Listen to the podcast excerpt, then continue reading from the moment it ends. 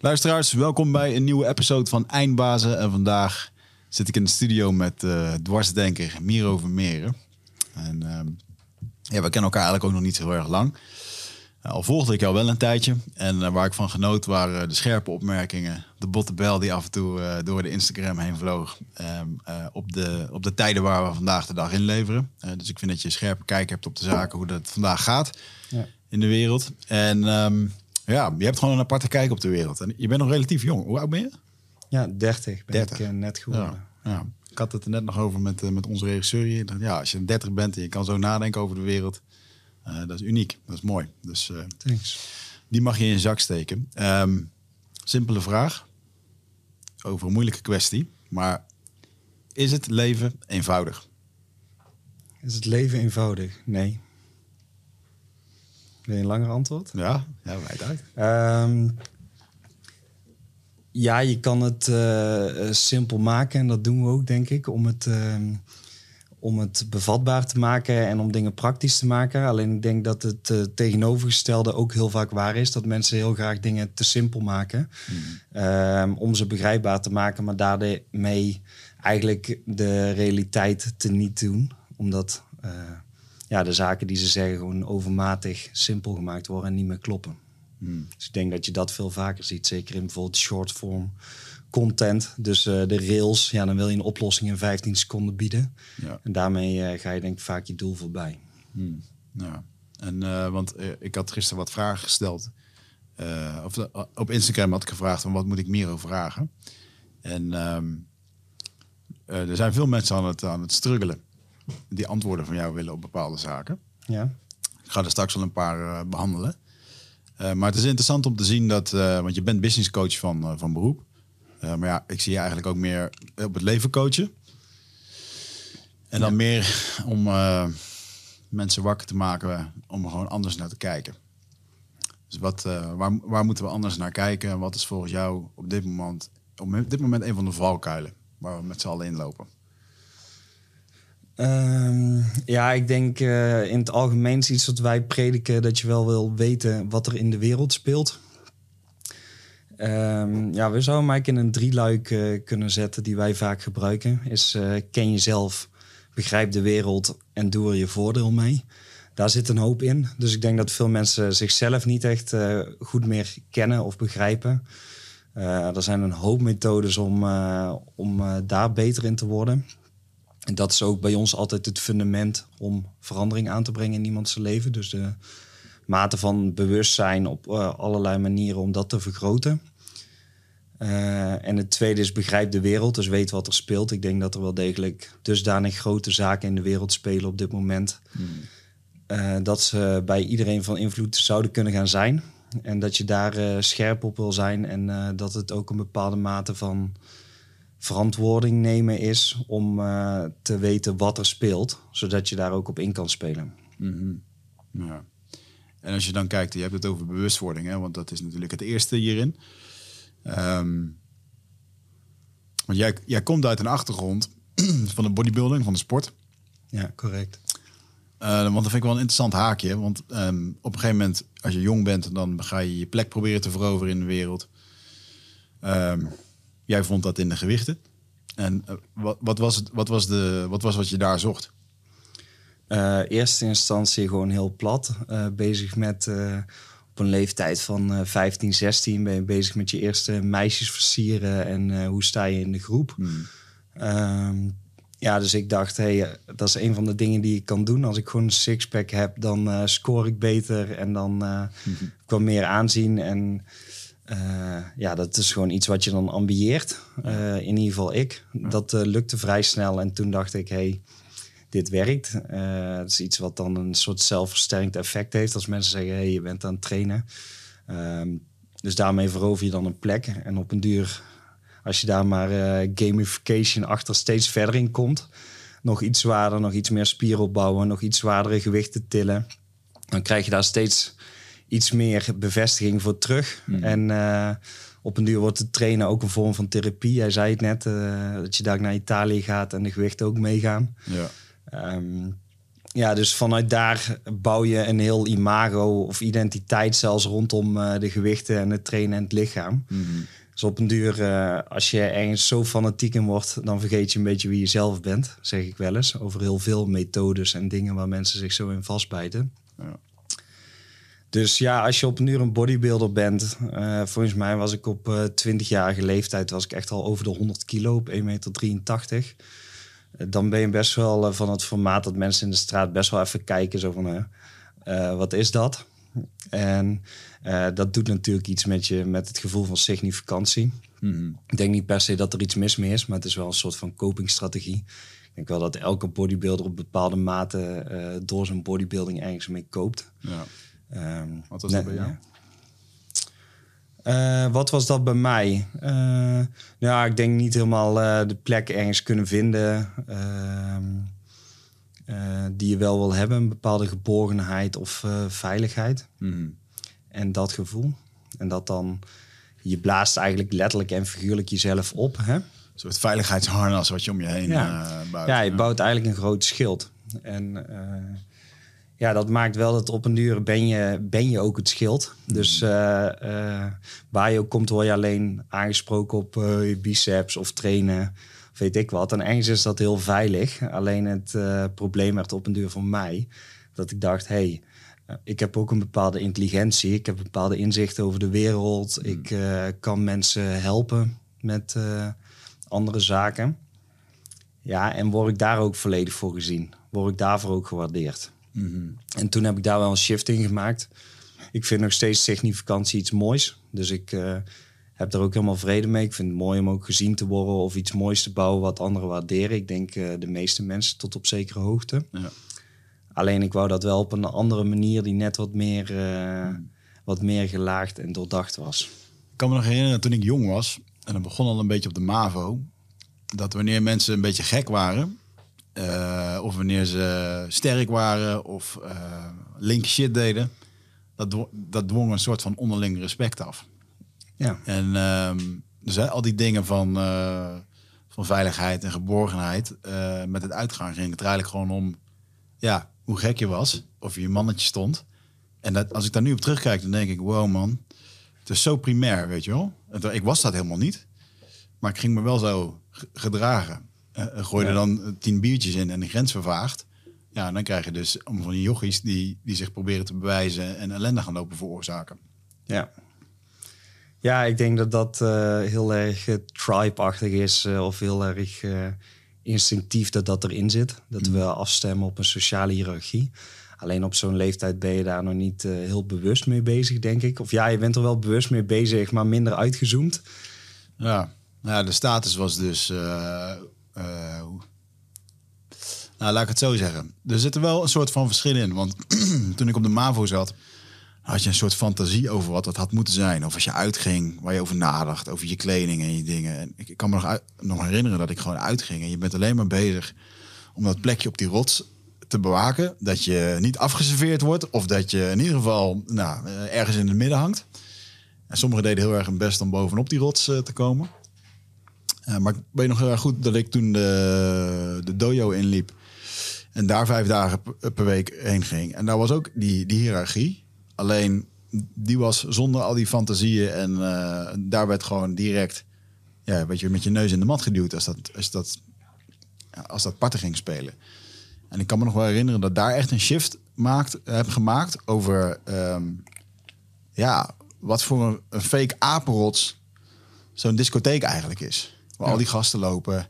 Ja, En, en de gasten waar ik toen bang van was, groot, eh, eh, ondergetatoeëerd, en grote verhalen, die kwamen ook wel eens naar de sportschool met diezelfde verhalen. En op een gegeven moment zag, merkte ik echt een soort shift van, hey, wauw man, al die verhalen, het is echt allemaal, allemaal kul. Want op de mat, ehm, ja. als je niet competent bent, dan, dan werkt het niet. Ja, maar ik denk dat je hem nog wel verder kunt trekken. Want diegenen op de mat die daar helemaal het mannetje kunnen zijn. Ehm, nou, in vechtsport zeggen in de criminele wereld, ja, dat is het gewoon wie het gekst is. Want dan is het eerder wie schiet. En dan kun je nog zo goed vechtsport kunnen doen. En dan is er iemand die schiet. Nou, En dan ben je opeens helemaal niet meer het mannetje. Of dan, eh, ja, dan is het gewoon de meest beruchte. ja. Die bereid is tot risico en geweld. Ja, van de andere kant zou het ook kunnen bekijken van oké, wie daar op de mat of in die discotheek was het misschien het meest eh, overal eh, gelukkig. Hey luisteraar, dankjewel dat je zit te luisteren naar deze podcast. Ik onderbreek hem eventjes voor een hele belangrijke boodschap. Of misschien liever gezegd een uitnodiging. Want op 24, 25 en 26 mei dan is er weer een nieuwe editie van Ride of Passage. Dat is mijn retreat voor persoonlijke ontwikkeling. En speciaal voor de mensen die op zoek zijn naar, ja, naar helderheid. Of dat ze lastig bij hun gevoel kunnen komen. Dat ze moeilijke beslissingen moeten maken. En dat ze zo ontzettend in hun hoofd zitten ja, dat ze er eigenlijk gewoon niet meer goed uitkomen. Of dat ze misschien al heel lang in een, ja, een soort van oud gevoel zitten. Dat ze dat gevoel willen transformeren.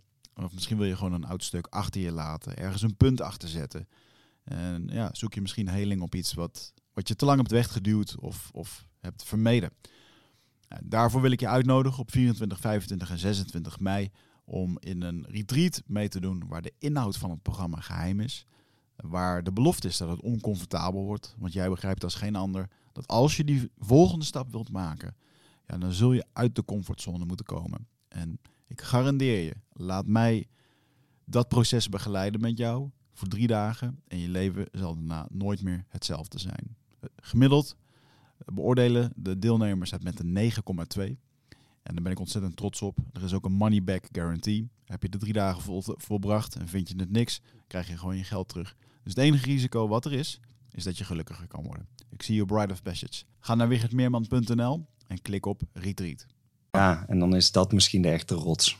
Dus Ja. het is maar net welke rots je Ja, zeker zaken wel. bekijkt Ja. Want uiteindelijk ook in die dojo heb ik ook wel weer mijn ongeluk proberen te vervullen met, met status en competent worden. En Ja. of, of je plekje in een groep proberen te, te vinden.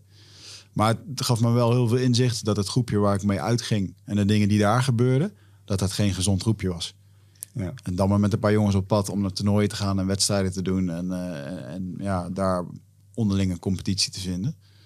Ehm, want omgeving is wel heel... ehm zat jij in een goede omgeving toen? Ten tijde van het bodybuilden? Ehm, ja, ik denk dat ik zelf de omgeving ook was. Dus eh, hè, je hebt ook zo'n eh, zo'n uitspraak dat mensen Jij die op de klagen...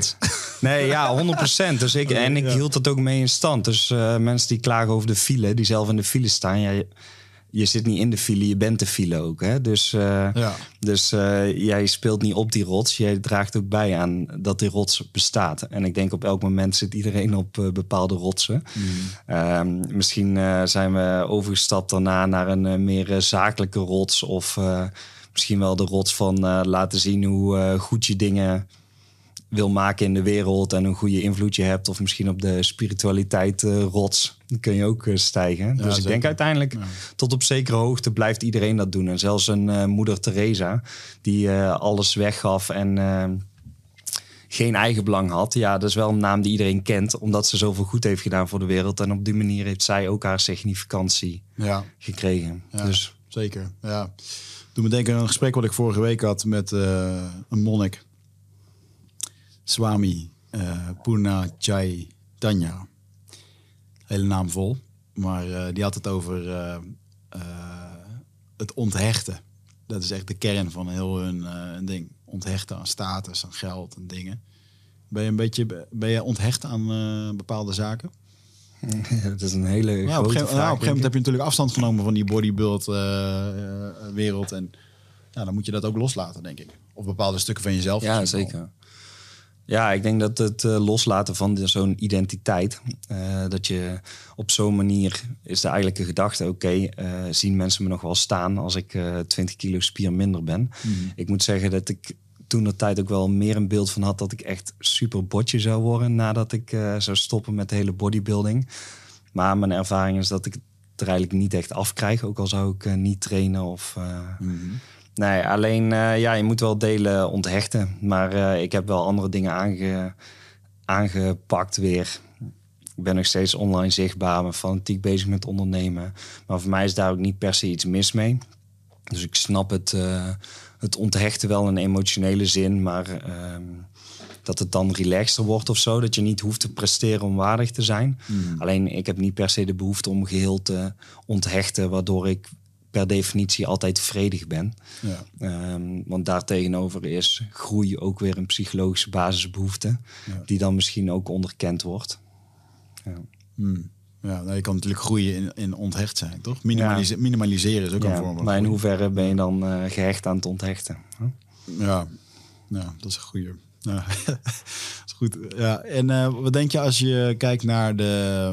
eh, hoe, hoe ging dat loslaten van die bodybuild wereld voor je? Wat, wat, wat moest je daarvoor loslaten? Ehm, nou, meestal eh, wat ik zie is dat het eh, vaak niet het loslaten is, maar het eh, vervangen. Dus ik zag in mijn geval dat ik andere contacten kreeg. Ehm, voor mij was het ook, ik ging letterlijk uit die, uit die omgeving en ik kreeg andere idealen. Dus het meeste was het vervangen. Dus het, het ideaalbeeld eh, wat verschoof van eh, de meest gespierde met de snelste AMG-auto, eh, met veel geld op zak, naar dat ik zag, een mentor van mij, die ik vaak benoem in podcast.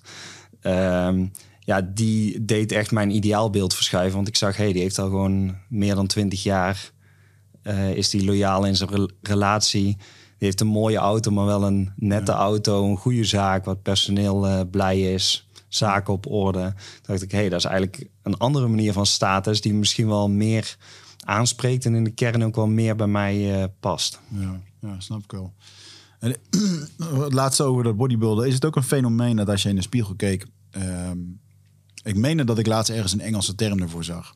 Dat je in de spiegel staat, eh, je bent op je top, je staat in de spiegel, spant je spieren aan... en eigenlijk eh, schat je jezelf toch nog kleiner in dan dat je daadwerkelijk Ja, bent. bigorexia. Ja? Zeggen ze ooit voor de grap. Eh, ja, dat is zeker een ding. Nou, niet per se klein, dus je vergelijkt. eh, je kan nog wel afmeten ten opzichte van anderen. Alleen je blijft zelf altijd het middelpunt van het referentiekader. Dus je vindt dat de anderen allemaal heel erg skinny zijn. En je vindt steeds meer normaal wat je zelf bent. Dus andere bodybuilders vind je normaal.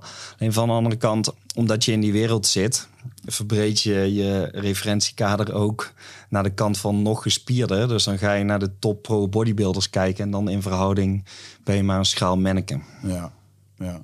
Dus de, de, de val van vergelijking. Ja. ja. Dus ehm, ja, in de spiegel kan je op eh, bepaalde momenten of lichtinval, daar ben je dan mee bezig. Eh, denk je, oké, dat is best wel prima. Maar uiteindelijk eh, heb je ook je momenten dat je denkt van ja, het is eigenlijk nog niks. Want, want je bekijkt ook de andere kant van dat kader. Ja, zeker. Wat heeft het je meest doen, eh, behalve de spieren? Wat heeft het, wat heeft het jou in het leven het meeste gegeven?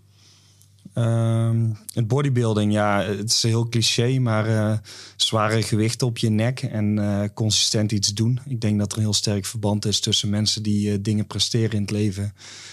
op een latere leeftijd die eerder een bepaalde vorm van topsport hebben gedaan, want het was wel op dat niveau te noemen. Dus daar zit in op een duur van een bepaalde pijn leren genieten.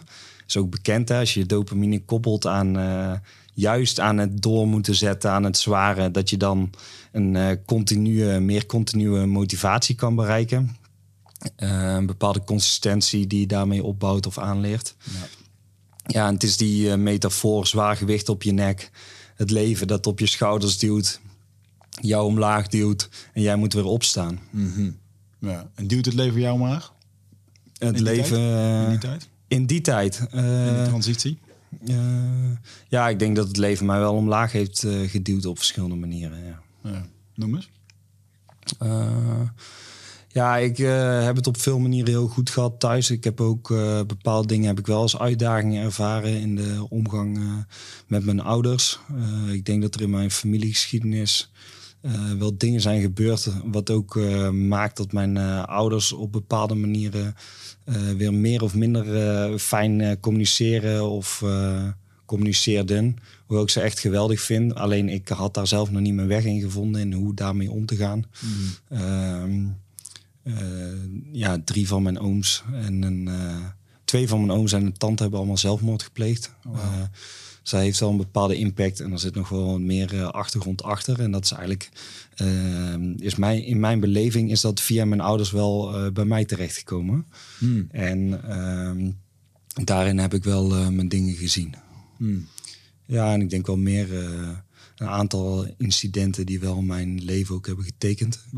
Wil je delen wat er dan in je familie achter zit, waardoor dat, dat een, eh, een effect had? Of is dat iets wat je je buiten wil laten? Uh, ja, nou, dus uh, mijn aanname is even bij, uh, bij mijn pa. Ehm, dat hij heeft besloten van... Hey, als enige van de zoveel heeft hij zijn leven wel aardig op orde, zeg maar. En geen gekkigheden. Alleen er zijn wel dingen blijkbaar thuis geweest... Ehm, aan, in die ouderlijke situatie wat dan weer uh, doorklonk op de rest van het gezin. En uh, ja, iemand, uh, één iemand die naar Canada is, is geëmigreerd eigenlijk uit een bepaalde vluchten van de situatie. Mm.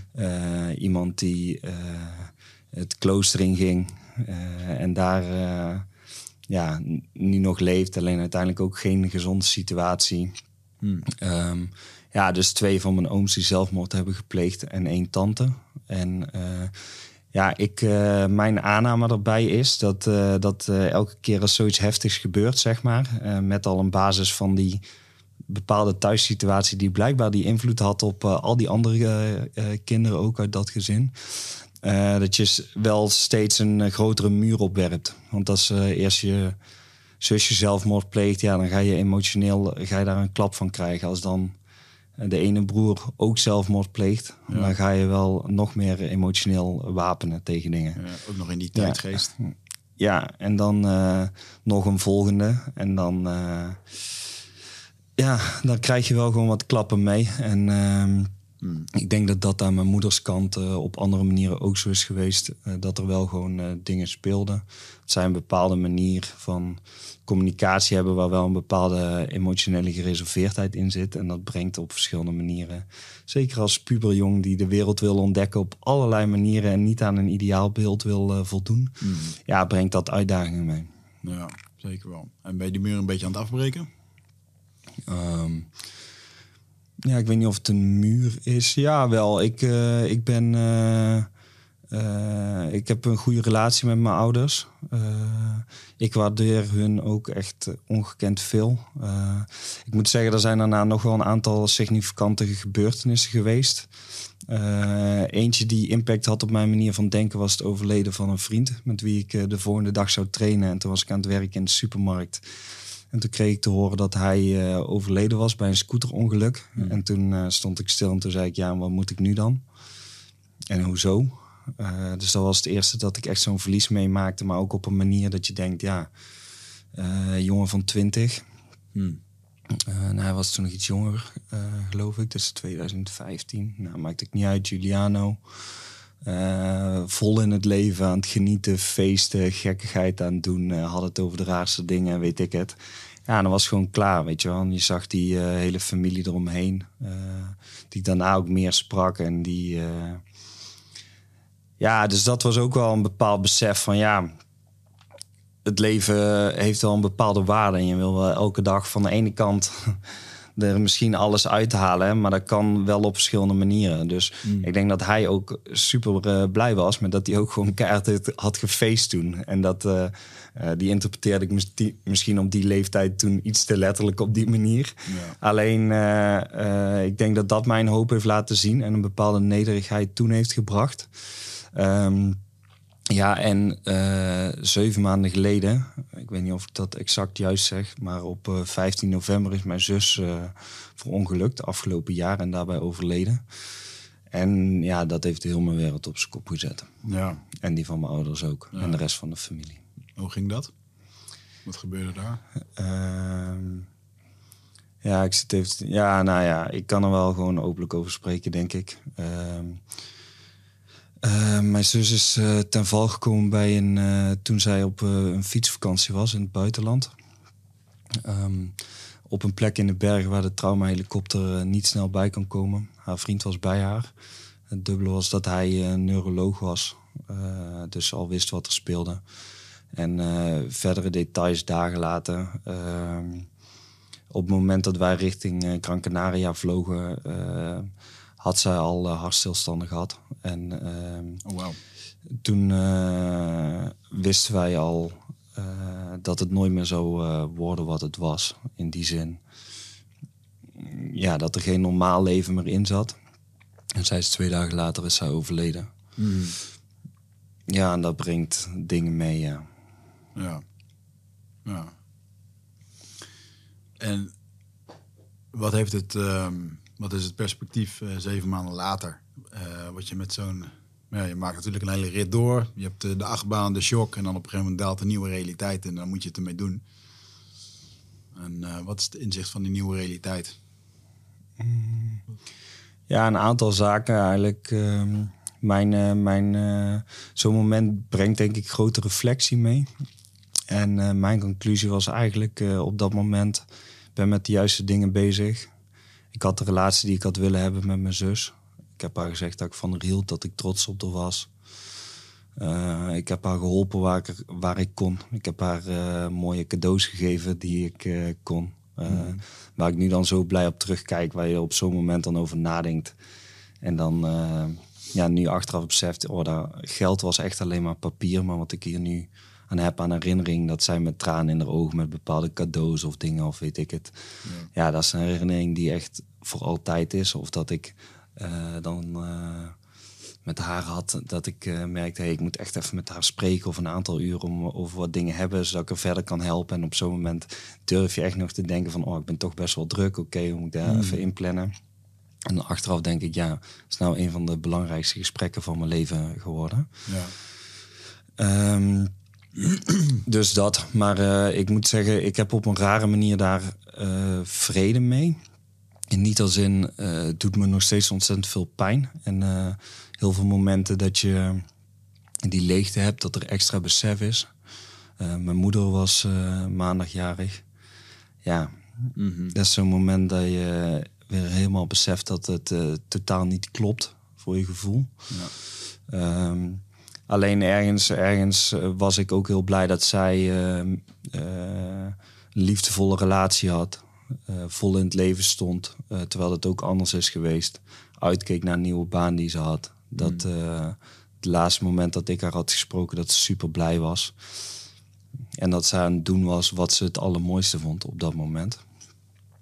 Dus dat eh, is dan een soort schrale troost die je hebt. Of ergens iets wat tevreden brengt. Ik weet niet hoe ik het moet noemen. Ja.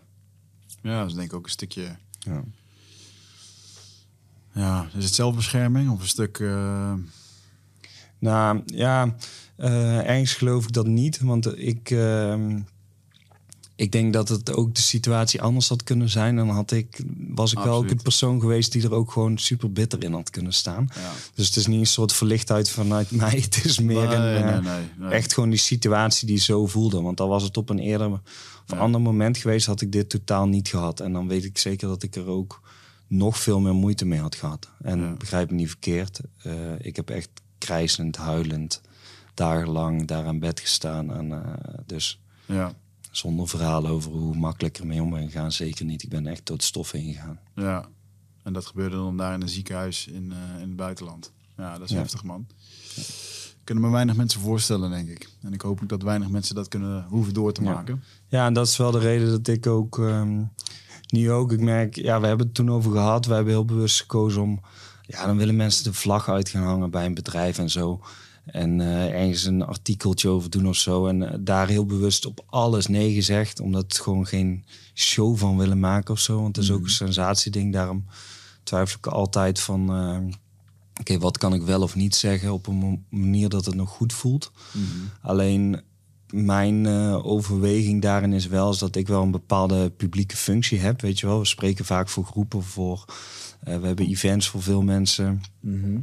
Ja, zeker na eh, ook afgelopen Hard Times United Strong Man, hè, ons eh, grootste event. Ja, dan was het echt de olifant in de kamer voor mij om daar over iets anders te gaan lullen. Dus dan zou ik recht omheen draaien. Dus dan heb ik er eh, wel voor gekozen. En dan wel ook met de insteek. hey, ik kan je eh, eh, inderdaad bepaalde lessen daaruit geven. Dingen die ik voor mezelf heb waargenomen. Die ik hoop dat een ander ten harte kan nemen zonder dat hij hetzelfde hoeft eh, door te maken. En ik denk dat dat wel de functie mag zijn van het delen van dat verdriet. En het tweede gedachte erbij is van ja, eh, dat je heel bang bent ergens. Ik had met Daan Storming erover. Hij heeft zijn vader verloren. Dat uh, ergens een gedachte speelt van oh, denken mensen niet dat ik die situatie uitbuit op een bepaalde manier om een mooi verhaal te hebben. Dus dat is wel een verhaal wat er ook speelt. Maar wel een verhaal wat ik los wil laten en wat ik voor mezelf gewoon. Uh, ja, zolang dat voor mezelf weet van met welke gevoelens en hoeveel liefde ik naar mijn zus kijk en ja, ja. Dat dat gewoon goed zit. Ja, ja man, ik denk dat uh, zeker met uh, waar we het net over hadden, van het gesprek van uh, de discotheek en vroeger en dan nu wat je dan nu deelt. Ik denk dat dat echt de perfecte ehm, tegenovergestelde zijn waar mensen juist de inspiratie uithalen. Ja. Want het is makkelijk om alleen naar jouw Instagram, Instagram te kijken en naar de scherpzinnige onderwerpen en dingen. Um, terwijl dit er ook gewoon is. Ja, ja, en ik denk het mooie daarin uh, is dat ik allebei kan laten zien. En ik geloof ook nog steeds dat het streven naar succesvol ondernemen, naar, naar ook gewoon geld, mooie dingen, uh, weet ik wat, dat er allemaal niks mis meer is naar het streven naar die groei. Hmm. Maar zie het binnen perspectief. En als het niet lukt, um, ja, zie het ook voor wat het is. Ja. En dan kan je juist daar vanuit meer vrijheid juist naar die groei gaan streven, omdat het opeens niet het de bepalende factor is van of je een uh, waardig leven hebt gehad of zo. Nee, totaal niet. En ik denk dat uh, succes nastreven aan al die dingen, zingeving of bezieling, hoe je het maar wil noemen, snelheid in je leven hebben. Het is allemaal prachtig, maar het is wel relatief ten opzichte van grotere zaken. Ja, ja, snap ik wel. En ik denk dat er heel veel mensen, want jullie hebben grote evenementen, de Hard Times, Unite, Unite Strong, Strong Man. Uh, er komen honderden jongeren, of jongeren, wat is de leeftijd gemiddeld? Een beetje wat er komt? Ja, 25, 35. Uh, dus de perfecte leeftijd waar de, waar de, de rottigheid van het leven vaak een beetje zijn intrede kan doen. Uh, dat in één keer vrienden wegvallen of ziekte, ouders of wat dan ook. En als je 40 wordt, dan uh, neemt dat nog een versnellingje vaak. Dan merk ik nu in mijn omgeving dat er in één keer van allerlei gebeurt. Maar ik denk dat er heel veel jongeren zijn uh, die zo bezig zijn met dat plekje dat ze dit ja, dat ze hier nog helemaal geen weet van hebben. Totdat die eerste echte ervaring komt. En dan hebben we ook nog een keertje de cultuur in Nederland dat, uh, ja, dat we dat hoog moeten houden of er niet over moeten praten. Uh, waardoor je eigenlijk nog, nog meer in een soort schild kruipt, nog meer gedrag gaat vertonen, wat uiteindelijk alleen maar destructief is. Ja, daar, daar uh, heb je het stukje te pakken eigenlijk van de distinctie tussen het kwetsbaarheid is krachtverhaal en het van de andere kant helemaal niet delen en veilig blijven. Uh, ik denk dat de waarheid vaak in het midden ligt en ook uh, contextafhankelijk is. Ik ben bijvoorbeeld niet fan van al je problemen uh, op Instagram gooien of waar dan ook. en altijd maar kwetsbaarheid is kracht. misschien seksistisch mogen sommigen me daarom noemen, maar ik denk dat dat voor een man nog meer geldt.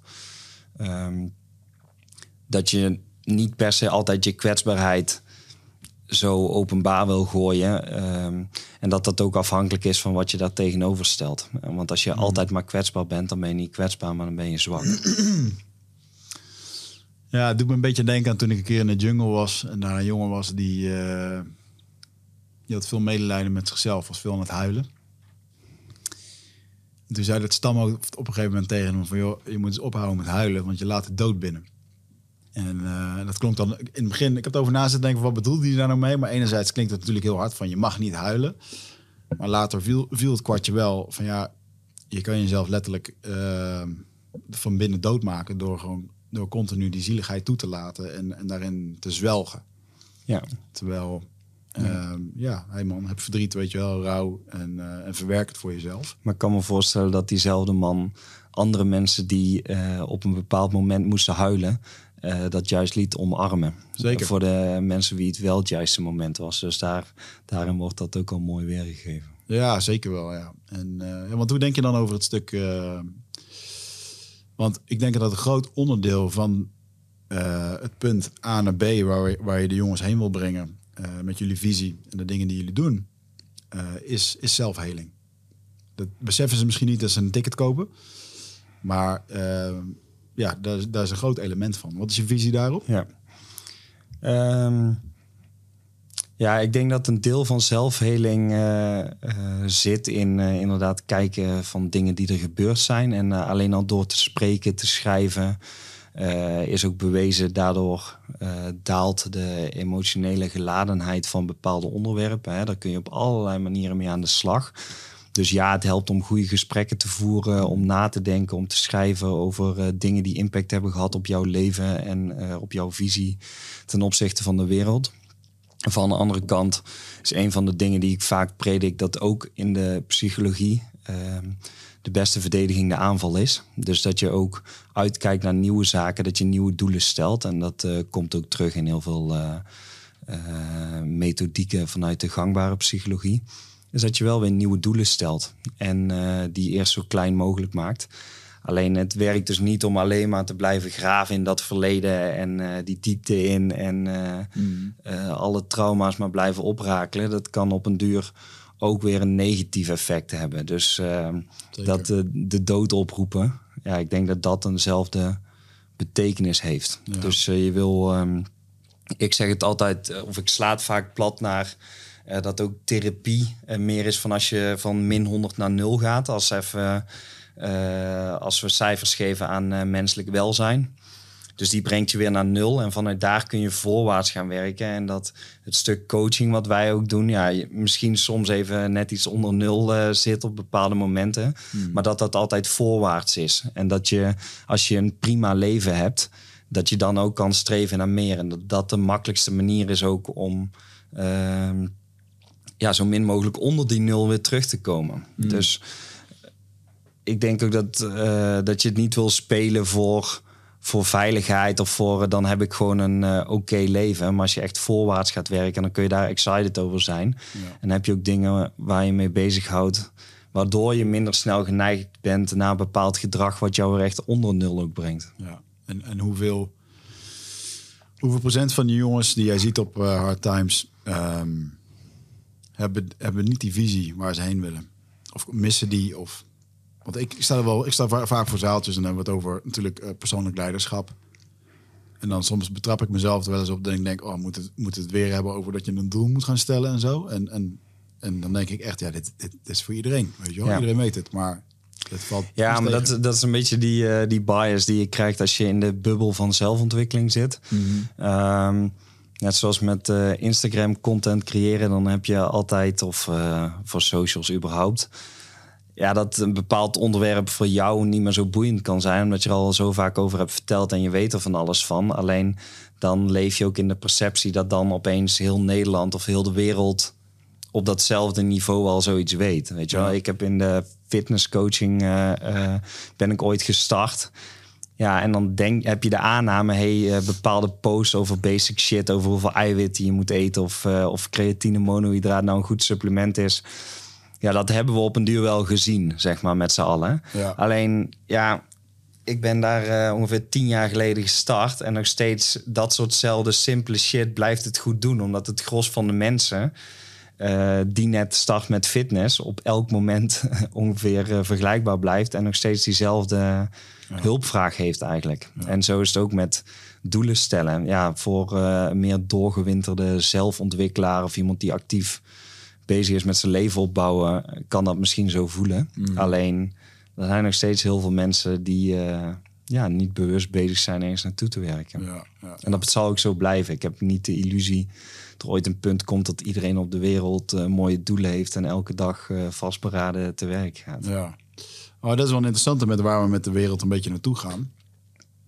Want, um, um, nou, wat, nou, laat ik het gewoon aan jou vragen. Wat zie, jij wat zie jij dat er op dit moment gebeurt? in de wereld. En dan, uh, want ik voel ook wel een beetje dat er een aantal lopen heel hard te duwen van jongens, uh, we moeten even wakker, met wakker worden met z'n allen, want we, moeten wat dingen gaan doen. Hè. We hebben een zorgstelsel dat in elkaar dondert, financieel stelsel, uh, onderwijs, woningmarkt. heb ik alles al genoemd ongeveer. En um, daar moet wel visie voor gecreëerd worden om, om dat recht te trekken. En die visie ja. die mist. En gek genoeg is er. Um, de, ik merk nu dat er een, een, uh, een bepaalde trend komt. Dat mensen op een gegeven moment uh, zich extreem gaan afzetten tegen wat er nu gebeurt. Mensen worden boos. gaan een eigen plan trekken. En ik merk dat ik zelf ook een beetje in die hoek zit. En ik merk ook dat dat groeit. En ik denk dat dat vooral ermee heeft te maken dat er is ook echt geen alternatief. Ja. Het alternatief is Jesse Klaver. En eh, ja, dat, dat zeg Ja. ik dan maar even zo. En, dat, en, en als, als ik als jongen van 18 daarna moet kijken, ja, daar ging ik niet van op aan. Nee. dan, dan, maar, ja, dan ga je er afweren tegen dat. Het is een beetje de puber die zich wil afzetten van zijn ouder, omdat hij zijn eigen persoonlijkheid wil ontwikkelen. En hij wil Ja. wat anders. Ja. Ja. Ja, je hebt eh, ehm, daar eh, vaste cycli in en die hoeven niet uit te komen. Dus niemand is zeker van de toekomst. Eh, maar waar de naam eh, Hard Times United Strong Man vandaan komt, is wel dat er altijd een. in de geschiedenis in ieder geval altijd een soort cyclus is geweest waarbij verschillende partijen op de wereld op andere manieren de macht hadden en dat die macht steeds overging. En dat je daarin vaste patronen zag. En eh, dat die heel goed eh, te voorspellen zijn. En op dit moment eh, zeggen alle patronen: hey, de wereldmacht begint aardig te verschuiven. Alle indicaties zijn er. De munteenheid van het Westen begint te verzwakken. De dollar heeft nu nog een monopolie, maar dat gaat echt wel snel veranderen. Eh, China krijgt meer macht, begint grenzen te verkennen. Rusland ziet dat de westerse wereld verzwakt, begint grenzen te verkennen. Eh, die beginnen samen te klonteren hè, in de BRICS-landen. Eh, er is nu een eh, nieuwe valuta, zijn ze aan het vormen. Ehm, backed by gold, hè, dus met een bepaalde goudstandaard eraan gekoppeld. Waarom? Omdat de dollar was de reserve currency natuurlijk. En wie dan de reserve currency in macht heeft, blijkt ook altijd de grootste leider van de wereld. Ja, en dat wordt nou allemaal gechallenged. En eh, daar zie je grote verschuiving in. Ehm, zoals het nu geopperd wordt, denk ik in het eh, Westen het meeste is dat we een soort ehm, tweedelige wereld krijgen met eh, twee grote wereldmachten. Ik ben heel benieuwd waar het naartoe gaat. Ik kan het ook niet voorspellen. Ik ben niet van, oh, het zal weer precies zo zijn als altijd. Ik denk dat we wel degelijk invloed hebben op de loop van de toekomst nog steeds. En dat we niet eraan, eh, ja, dat er een soort eh, iets compleet te voorspellen is dat wij met het Westen nu al onze macht gaan verliezen of zo. Alleen eh, zoals nu de indicaties zijn, is wel gewoon onze cultuur aan het verzwakken. ehm, als je het zo kan noemen. Eh, en dan zie je dus ook de verzwakking van binnenuit. En dat is, eh, daar heb je heel veel mooie quotes over. Dat de beste manier om je vijand te verslaan is door hem eigenlijk van binnenuit Ja. te laten eh, verrotten. Op basis van, daar heb je een term voor, subversie geloof ik. Dat je ze eigenlijk van binnenuit die cultuur zo verpest... dat de mensen in het land al tegen elkaar gaan strijden. Dat daar zoveel polariteit komt dat dat niet meer werkbaar is. En op zo'n moment eh, krijg je dat rot van binnenuit dat een land zwakker maakt. Ja, waardoor eh, er een ander deel van de wereld opstaat. eh, dat wel nog hard is, dingen, ehm, ja, dingen durft te stellen, stellingen durft te nemen. harder leiderschap, hoewel ik daarmee echt zeker niet het Chinese leiderschap of Russische leiderschap per se verheerlijk. Alleen het is ehm, op bepaalde vlakken wel meer werkbaar dan wat je nu ziet in de westerse wereld, waar ontzettend weinig eh, eh, gezag nog is vanuit eh, overheden. Waar eh, rechts en linkse politiek recht tegenover elkaar staan en geen compromis meer weten te vinden. Waar mensen tegen alles in protest willen. Ja, het is wel het typische plaatje wat je erbij zou zien horen. Ja. Ja, de interessantste. Plus een welvarende economie. Dat is ook een... Ja, en te en eh, in, in dat opzicht te welvarend. En je hebt een bepaalde standaard waarvan je kunt afvragen: hey, eh, als het nou minder gaat, wat gebeurt dan met de mensen? Zijn ze ontevreden? Eh, ja, als een maatschappij terug moet in levensstandaarden, zoals je eigenlijk nu ziet, hè, met de inflatie, eh, dingen worden langzaam eh, lastiger te betalen voor veel mensen. Er komt meer onzekerheid, ja, dan wordt die onvrede ook gewoon geuit. Eh Ray Dalio is de auteur, denk ik, op dit vlak, die ergens nog de niet-wappie-editie eh, brengt van, eh, eh, van deze ontwikkelingen wereldwijd. Eh, je kan daar simpel eh, op YouTube een samenvatting podcast, van zijn. eh, ja. Ja, maar ook gewoon een samenvatting van zijn boek. ehm, van zijn laatste boek. hoe heet die nou? De, Change of Change of World. New World ja, ja. Ja. Ja, exact. Als je, daar heb je geloof ik een samenvatting van, ook een redelijk uitgebreide van een uur of zo, waar die visueel weergeeft wat er nou allemaal speelt. Ja. En waarin hij echt gewoon met een redelijk wetenschappelijke aanpakte die eh, cycli uit het verleden heeft onderzocht. En dat is wel een van die dingen die bij mij, eh, voor mij zo horen bij Begrijp de Wereld. Ja. Want het is relevant op dit moment. Ja, zeker. Ja. Hey Eindbazen-fans, welkom bij deze aflevering. Tof dat je zit te kijken of zit te luisteren. En waarschijnlijk doe je dat omdat je een hoge mate van interesse hebt voor persoonlijke ontwikkeling. Eh, je leest de boeken, je luistert de podcast, je, je kijkt inspirerende video's. Af en toe ga je naar trainingen en workshops toe. En het zal je vast niet ontgaan zijn dat het best wel lastig is om al die nieuwe opgedane stof om dat eigen te maken. En op het moment als het leven ons blootstelt aan, aan lijden, en dat is de natuurlijke eigenschap van het leven. Door bijvoorbeeld het verlies van een dierbare, eh, een burn-out, niet lekker in je vel zitten op het werk, de chaos die er in de wereld gebeurt. En dat zijn best wel grote dingen die ervoor kunnen zorgen dat we eh, in een bepaalde comfortzone blijven. Of dat we blijven bevriezen op een bepaald punt. Of dat we niet echt weten welke keuze dat we moeten maken. En ik wil je heel graag helpen bij het overbruggen van dat ene punt. Want als jij nu op een kruispunt staat van kiezen, dan heb je eigenlijk een soort overgangsritueel nodig. En ik noem dat een rite of passage. En ik wil je daarom uitnodigen naar een driedaags programma waarbij ik je uit de comfortzone ga halen en blootstel aan een programma waar de inhoud geheim is. En de belofte is dat het oncomfortabel gaat worden. Want, wees eerlijk, als je nu naar jezelf kijkt, dan wat jij te doen hebt, is op een dieper niveau naar jezelf kijken.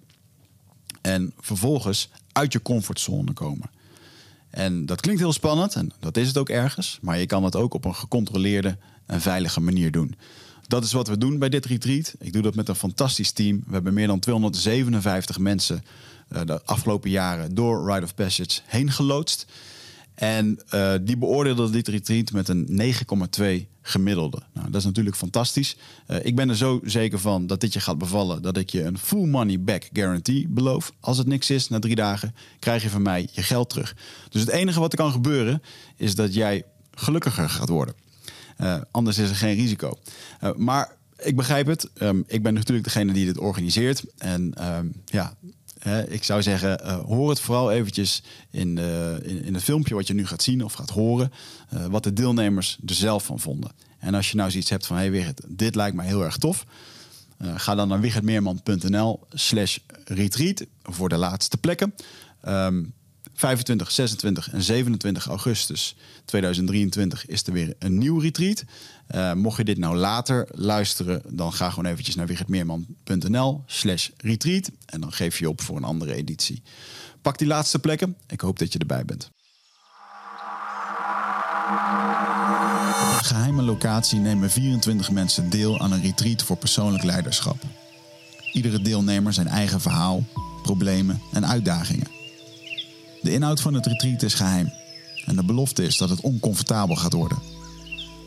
Want om datgene te ontstijgen wat je nu tegenhoudt om je dromen achterna te gaan. Om daadwerkelijk te verbinden in je relaties. En om eindelijk te gaan doen wat jij wilt. In plaats van wat je omgeving van je verlangt.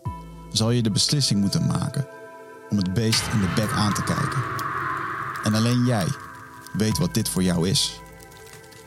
Je zal op een gecontroleerde manier door de pijn heen moeten bewegen. Om daar heling te vinden op datgene wat je al die tijd hebt weggestopt, genegeerd of vermeden hebt.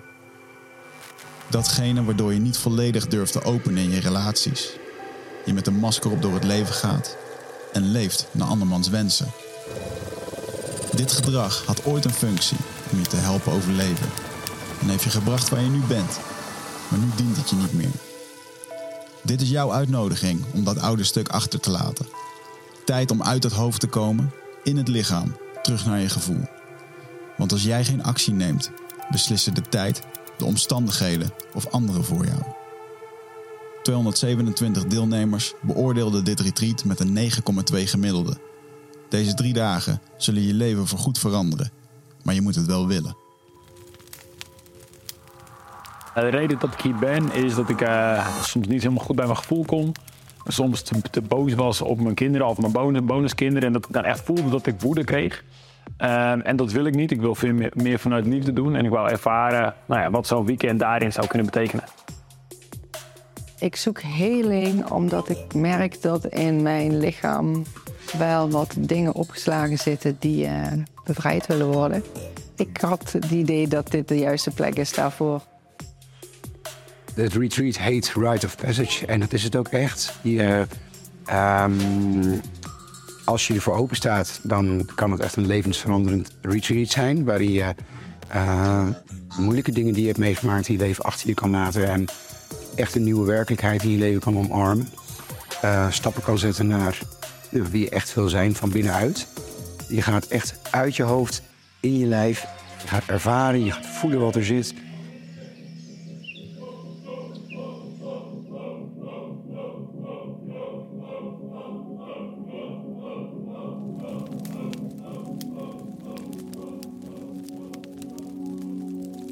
Ik heb het weekend als uh, ja, heel bijzonder ervaren eigenlijk. Uh, totaal anders dan verwacht.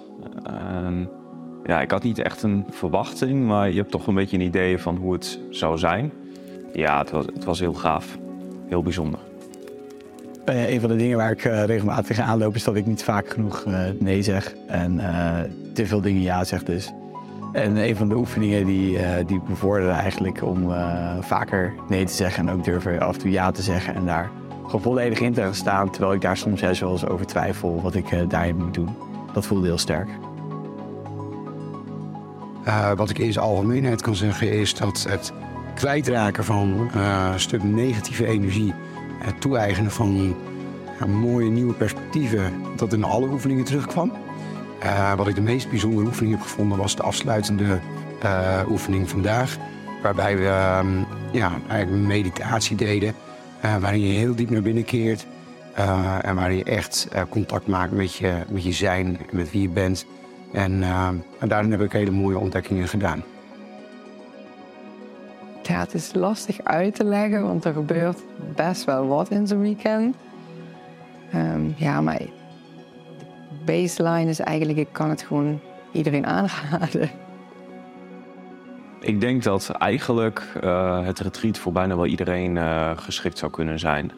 Ja, het viel me op dat in de groep heel veel verschillende mensen eigenlijk waren.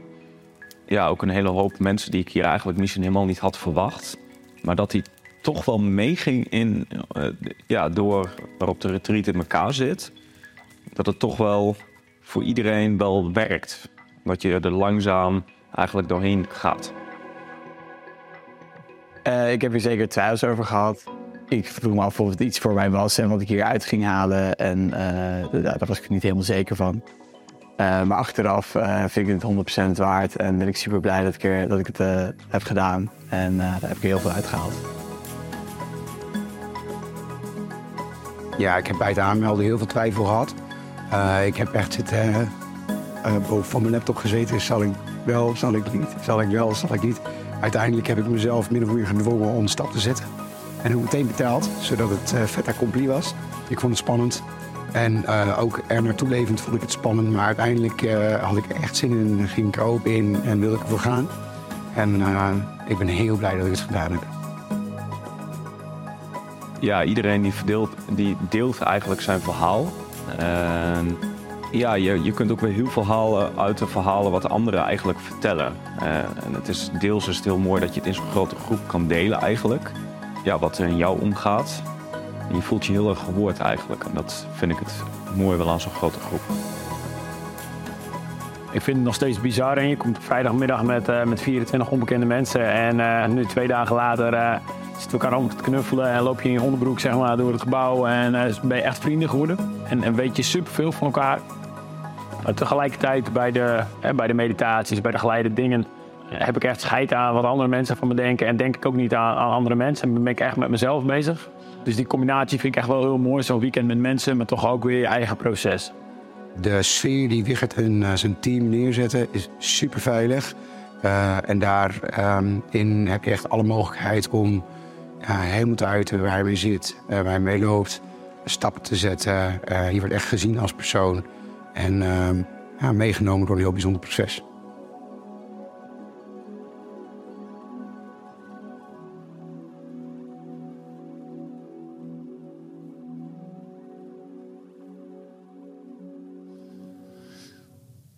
Je hebt de video gezien en geluisterd. Je hebt de deelnemers gehoord. En nu is de vraag aan jou. Eigenlijk is dit een uitnodiging voor jou. Ga je erbij zijn, ja of nee? Ik hoop van wel. Ga naar wichertmeerman.nl slash retreat en geef je op. Ja, ik moet altijd wel om lachen dat waar we ons hier druk over zitten te maken. Als ik dan in de jungle ben. als je dan bijvoorbeeld kijkt naar uh, uh, onze genderdiscussies. Dat ehm, is daar helemaal geen discussie. Want familie betekent gewoon dat jij overleeft. Dat er voor je gezorgd wordt. Dat, als je, dat je samen kan blijven bestaan. Uh, daarin is het dus ook helemaal niet functioneel om daar over te gaan zitten. Het lijkt bijna, en dat daar zullen wel weer een hoop mensen wat ervan vinden, maar het lijkt bijna een soort van uh, luxe probleem. In, dat er ja. gewoon een probleem wordt gecreëerd wordt. Um, ja, dat is wel lekker. Uh, is het een luxe probleem? Ja, krijg je wel uh, mooie, krijg je wel uh, mooie onderwerpen waarvan, waarover je heel veel haat over je heen kan krijgen. En daar mm. hou ik op zich wel van. Dus we kunnen die wel aangaan. Nee, maar wat ik dan daar zie is dat, oké, okay, daar komt dat dus niet voor. en er zijn andere problemen die groter zijn om jezelf druk over te maken. En ja. ook hun manier van kijken. Ik weet dat er ook Indianenstammen zijn waar dit wel bestond, dit fenomeen. En dan werden die mensen gezien als uh, zielen die een transitie maakten van man naar vrouw, maar ergens tussenin zijn blijven hangen. En die werden daarom geëerd en gewoon gelaten voor wat ze konden zijn. Ja. Uh, maar er werden geen aparte wc's voor gemaakt. Ja, ja maar ik denk dat, uh, dat er een groot onderscheid sowieso gemaakt kan worden tussen wanneer gaat het over individuele acceptatie en respectvolle behandeling van ieder individu. En daar ben ik uh, uh, 100% voor, vanzelfsprekend. Ja. Uh, daarom uh, bijvoorbeeld de situatie met Miss Nederland, die ergens ooit Mister Nederland was geweest. Dat was recent een onderwerp. Ik denk, ja, eigenlijk is het ook niet helemaal correct dat daar dan zoveel aangehangen wordt. Want die Ricky, zeg maar, die dat won, ik weet niet of je het hebt meegekregen. Ja, we hebben een man die nu Miss Nederland is geworden. Ja, ja. ja exact. Maar zij is ook maar onderdeel van een groter ding. En zij is, uh, ja, zij is daar één iemand in, zeg maar. Dus eigenlijk vind ik ook dat we die individu niet zo moeten aanvallen. Hoewel ik daar zelf dan ook leuk vind om, uh, om het te ridiculiseren op een bepaalde manier. En daar uh, nou goed, grap over te maken. Alleen, gebeurt, ja, de... het is een sign of the times. Hè. Het is, uh, zij is maar een symbool voor iets wat er gaande is. Ja, zeker. Ja. En dan denk ik dat het grotere ding daarbij is... waarin veel mensen zich ergens gekwetst voelen... is het idee van... Hey, we, we zijn nou tegen onze natuur in onszelf dingen wijs aan het maken die gewoon echt niet kloppen. Hè? Waar we gewoon heel makkelijk van kunnen zeggen van ja, oké, okay, is dit goed? En dan ben ik 100% voor dat het op individueel niveau wel uh, geaccepteerd wordt. Zeker. Alleen de vraag is: in hoeverre creëer je een maatschappelijke situatie waardoor mensen in de war raken en je steeds vaker onnatuurlijke situaties krijgt? Mm -hmm. En in hoeverre zit er ook van zo'n organisatie een belang in om zoiets maar naar voren te schuiven zodat zij er goed uitzien? Dus dan krijg je een soort uh, woke-washing in plaats van greenwashing. Dat zo'n bedrijf uh, is eigenlijk een soort uh, sociopaat die gewoon uh, zonder emoties kijkt van hey, wat is nu de wat trend in de maatschappij? Ja. Ja. Oké, hoe worden wij door de grote jongens en door iedereen zo goed mogelijk geaccepteerd, zodat we zoveel mogelijk kunnen verkopen, ja. zoveel mogelijk zichtbaarheid krijgen en dat doen we. Ah, daar word ik altijd misselijk van, jongen. Dat je van die bedrijven ziet die dan, ja, wij zijn uh, woke, we supporten uh, de, de regenboogvlag. Nou, ze geven er maar dat is helemaal niet waar. Want BMW, die hangt geen regenboogvlag op in, in Iran. Nee. Want dat is of in Rusland. Nee, ze geven dus, er geen kloot om. Dus dat betekent dat de kernwaarden van het bedrijf... die gaan gewoon een beetje mee met waarde, wat populair is en wat veel verkoopt. Ja. En als ze er echt voor zouden staan... van ja, inclusiviteit is ons ding... dan moet je dat ding ja. ook in Rusland ophangen. Ja, maar dat is ook de echte...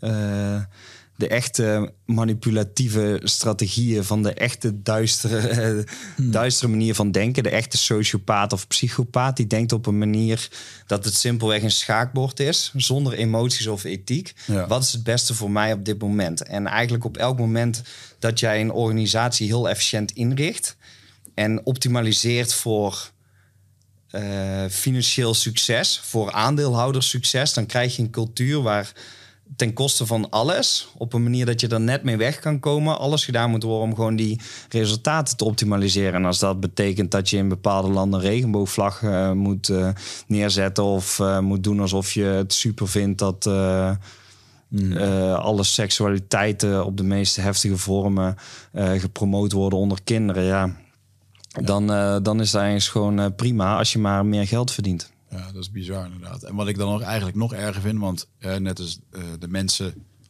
zoals zo'n Rick en, en iedereen die daarin zit, ik, ik, hey, hun gevoel is echt, weet je wel. Ik bedoel, eh, wat zij voelen ehm, en hoe dat ze zich voelen in deze situatie, ehm, is allemaal echt. Ik denk dat de gedachte die dat soort dingen, die dat gevoel creëert, dat je daar je vraagtekens bij kan zetten. Zoals bij Ja, ik iedereen. heb daar wel hypotheses over. Maar ik geloof wel dat, hè, dat er natuurlijk ook gewoon een, een ding gefaciliteerd wordt. Mede door dit soort bedrijven die daar baat bij hebben. Eh in één keer voelt zich men gehoord. En, en ik sprak onlangs wat mensen die eh, eh, homo zijn. En die, eigenlijk, die gewoon zeggen, joh, eigenlijk soms eigenlijk al voor zo'n zo'n zo'n Pride dag. Nou, schaam ik eigenlijk voor, de, voor, de hele, voor wat daar Ja, je hebt nu zo'n, je hebt zo'n beweging, de Roze Leeuw heet dat. Die hebben een slogan, wel homo, geen mietje. Ja, die eigenlijk zelf vinden dat die hele regenboogvlag tegenwoordig ook ingezet wordt voor bepaalde propagandadoeleinden. Ja. En terwijl zij zelf zoiets hebben van ja, oké, prima, we hebben eh lesbisch en eh, homo's, biseksuelen, allemaal prima. En ja, op individueel niveau accepteer.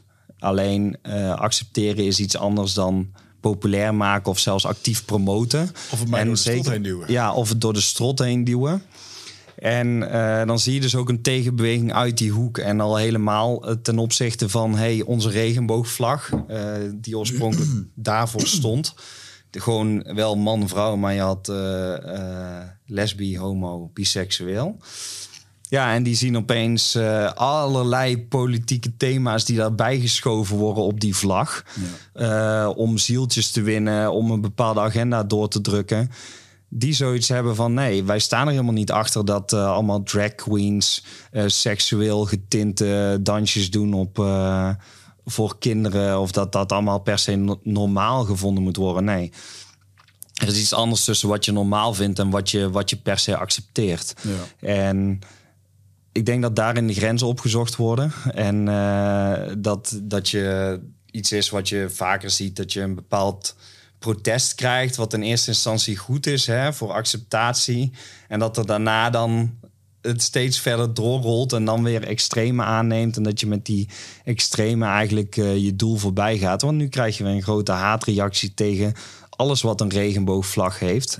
Wat eigenlijk zonde is, ehm, omdat die regenboogvlag zou moeten staan voor... hey, we hebben gevochten voor individuele acceptatie, die is er aardig. Maar nu, ja. maar nu moeten we overal een regenboogvlag overal in, eh, in terugzien. Moeten we, op, eh, moeten we kinderen al op jonge leeftijd eh, gaan vertellen dat ze alle genders kunnen hebben, wat ergens tegen hun biologie ingaat.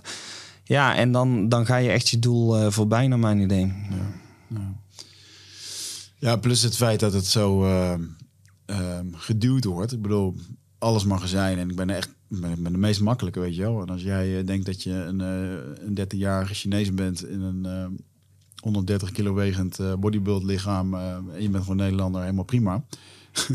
maar het, het feit dat het maar gewoon continu ehm, bij mij naar binnen moet geduwd worden. En ook met het gedachtegang. En dan heb je het ook over een stukje zelfheling. Ehm, stel nu dat we dat erdoor doorkrijgen en ik zeg ja. Dan is de pijn eh, waar- waarom je dat wil doen, die is nog steeds niet geheeld. Want Ja. diep van binnen eh, ga je dan wel weer iets anders zoeken. Wat dan ook Ja. moet. Hè, want dan, eh, dan ga je wel weer richten tegen andere bedrijven of andere dingen. En, en ik, ik zou het zo mooi vinden als mensen dat bij zichzelf konden zien. Dat al dat populisme, gedoe, al dat externe wat je zoekt, dat is intern werk.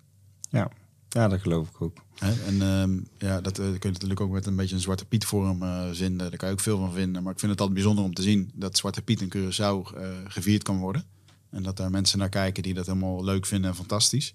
En dat andere mensen dat heel racistisch vinden en zich daar zwaar op aangesproken voelen. En, Ja. en dat zijn dus Ja, de ik gedachten. denk, ja, en ik denk dat dat van twee kanten is. Hè. Dus als iemand zich ook eh, heel erg, dat het iemand ook heel erg raakt dat het er wel of niet is. Dus ook Eh, de, Zeker. de witte man die moet 100%. gaan Ja, 100%, presteren. tuurlijk. Andersom vind ik precies hetzelfde van. Ja. Eh, die heeft ook een verhaal met zichzelf, waardoor zijn eigenwaarde gekoppeld is aan een soort kinderfeest, wat ik ook apart vind. Ja. En ja, dat is wel interessant. En er zijn, liggen denk ik grote maatschappelijke dingen ten grondslag aan hoe zo'n verandering door de jaren heen zich vormt. En ik denk dat een, ehm, ja, om daar een aantal dingen in eh, voor te leggen, wat ik interessant vind om over na te denken. En eh, ik heb er geen eh, wetenschappelijke data bij, maar het kan mensen wel aan het denken zetten. Ja, is bijvoorbeeld het grote verschil in. in opleidingsniveau en inkomensniveau tussen man en vrouw. Waardoor je in Nederland ziet, hey, meer vrouwen raken hoog opgeleid. Hè, omdat het schoolsysteem ook meer is ingericht op een typisch vrouwenprofiel over het gemiddelde. Eh, meer eh, bijvoorbeeld eh, gaat bijvoorbeeld beter op harmonie. Ja, een jongen die niet goed gaat op harmonie, ja, die blijft niet goed binnen het schoolsysteem. Hoewel die misschien wel juist unieke capaciteiten heeft die we nodig hebben. Ja, wat krijg je? Meer verdienende vrouwen en minder verdienende mannen over het gemiddeld. Hè? Waardoor eh, man en vrouw elkaar veel minder kunnen vinden, omdat er wel een bepaalde behoefte is bij de man om op bepaalde vlakken een dominante rol te hebben, zodat die uiteindelijk gelijkwaardig is. Niet per se gelijk, maar wel gelijkwaardig. En die vrouw, ja, eh, de echte hardcore feminist zal het eh, misschien ontkennen. Maar die heeft ergens ook een behoefte om een man te hebben waar ze op bepaalde vlakken tegenop kan kijken. Die een bepaalde fysieke kracht heeft of veiligheid kan bieden. En als dat wegvalt, dan is het misschien alleen maar iets moois. Dat als, eh, eh, ik denk dat eh, Amsterdam het hoogtepunt ervan is. Als, als mannen en vrouwen elkaar veel minder kunnen vinden. Ja, iedereen heeft een bepaalde behoefte aan liefde. Ja, en dan wordt misschien met een paar drankjes op worden, vindt hetzelfde geslacht elkaar gemiddeld net wat meer. En ik denk wel ehm, dat dit niet een enige oorzaak is. Maar ik denk wel als je een verschuiving krijgt van. ehm, eh, ook daling in testosteronlevels, eh bijvoorbeeld eh, bij mannen door levensstijl, omdat we gewoon meer stilzitten, ongezonder vreten, zonder verder op de details in te gaan. Ja, dan krijg je dus een vervrouwelijking van die man. En die vrouw die eigenlijk steeds machtiger wordt, dus op die, op die rots waar we over begonnen, steeds hoger staat. En dat je daar een soort mismatch krijgt. Ja, en wat doet de natuur? Die brengt een bepaalde balans op een andere manier. Eh, ja, dus eens is het alleen maar mooi. Dus eh, meer mensen hebben invulling eh, eh, aan die behoefte aan liefde. Alleen maatschappij breed krijg je daar wel bepaalde effecten van. Ik heb laatst een keertje met een eh 74-jarig eh, feminist gekletst. Die echt in de vroege tijd... Hè, toen, en toen, toen vroeg ik ook veel, maar... Ze noemden zichzelf ook echt zo. En Van, waarom heb je dat dan gedaan in die tijd? En dat vond ik interessant om te horen. Dat ze zeiden van ja, ik zat gewoon in een omgeving... dat als je ging trouwen met een man, man dan leverde je eigenlijk gewoon je leven in. Ehm, geen, geen stemrecht, eh, Ja. mocht niet meer werken. Eh, ja, dat was ook heel goed. Dus het- daar zag je ook eh, eigenlijk het, Vind je dat het voorbeeld dat vrouwen mogen stemmen. Nee, maar vind je, vind, nee, ik vond toen ik dat hoorde, toen dacht ik... Ja, oh, nee, nee, nee. Ik snap, ik snap nee, ik bedoel dit- meer dat die eerste groep eh, feministen geweldig werk heeft Ja, gedaan. exact. Oké, ja. Hetzelfde als eh, eh, Black Lives Matters. Ja, ik vind 100% dat er nog bepaalde racisme zeker bestaat. Overigens in, in alle rassen. Want als je in andere landen kijkt welk ras ook de minderheid is, daar is een reactie tegen. Maar ik denk dat we daar echt onze cognitief moeten overkomen welke emotionele neiging we hebben. Dus we moeten daar rationeel nadenken. Hey, hoe kunnen we het beter organiseren zodat dat minder voorkomt? Alleen je kunt ook daar je doel weer voorbij gaan. Je kunt ook daar weer eh, reparations gaan krijgen. Je kan bij het feminisme, waar het eerst is te doen om eh, gelijke kansen, kun je daarna met eh, vaste targets gelijkheid afdwingen. Ja. Terwijl gewoon de gemiddelde man eh, meer kiest voor risicoberoepen, vaker wordt neergeknald in het leger. terwijl een vrouw pleegt, iets ja. veel meer zelfmoord pleegt. Terwijl de gemiddelde eh, vrouw iets minder graag ook aan de eisen voldoet wat een topfunctie eh, vraagt qua opoffering. En ook geld voor levensgeluk en die groei en zaken vanuit werk, het financiële, over het gemiddeld voor het levensgeluk minder belangrijk voor haar is dan de harmonie in een gezin en goede relaties enzovoorts ten opzichte van een man over het gemiddelde. Maar als je dat gaat forceren, ja, dan ga je weer heel sterk tegen de natuur in.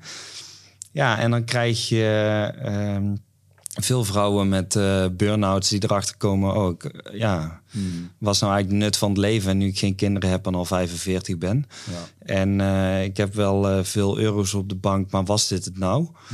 Ja, en je krijgt veel gasten die misschien ook niet een juiste relatie kunnen vinden of niet meer helemaal zich tevreden voelen over zichzelf, omdat ze gewoon ongezond en zwak zijn. Ja, hier in Amsterdam ik ben ooit in Amsterdam gaan wonen omdat ik vrijgezel werd. En dacht, ja, waar zitten de vrouwen? Nou, dat was in Amsterdam. En ik ben nu 40 jaar, mijn vriendin ook. En als je kijkt naar haar omgeving, in haar werk, hoeveel vrouwen dat er zijn zonder relatie en die, die kinderwens hebben, staan allemaal op van die lijsten om, uh, om dan maar, ja, noem het even zo, ergens een kind uh, te krijgen. En uh, ik vind het wel schokkend, man. Gewoon, uh, schijnbaar zijn er dus geen capabele mannen. Met alle ma manieren waar je ze tegenwoordig kan vinden. Of je het er nou mee eens bent of niet. Ik denk dat het nog nooit zo makkelijk is geweest om een relatie te krijgen. Ik denk dat het nog nooit zo moeilijk is geweest om de juiste partner te vinden. Ja. En dat zijn twee verschillende dingen natuurlijk. Maar. Um, en, en, allemaal met, het, met, het, met het gedachtegoed van, nou ja, dan, dan, maar, dan ga ik het zelf wel doen. Ja, en ik denk dat het een heel. Uh multifactorieel probleem is eigenlijk. Wat heel complex is, wat van heel veel kanten invloeden kent. Mm. Um, ja, bijvoorbeeld de vrijheid en seksualiteit. Ja, heel goed, denk ik. Hè? Dat daarin dingen mag en mensen niet voor veroordeeld worden. Ja, van de andere kant, als iemand al met uh, na 50 stapavonden al uh, met wat drank op met mensen naar bed is geweest, zie je wel over het gemiddeld dat die seksuele binding en uh, het gevoel daarbij veel lastiger is, emotionele binding. En zo zijn er een, heel, een hele hoop dingen waar we in het Westen in lijken doorgeslagen te zijn. Wat dus bepaalde effecten weer heeft en waar een nieuwe balans zich in zou moeten vormen, die er dus ja. duidelijk nog niet is. Ja. En hoe, hoe vormt die nieuwe balans zich, denk je? Doet me een beetje denken aan. Uh,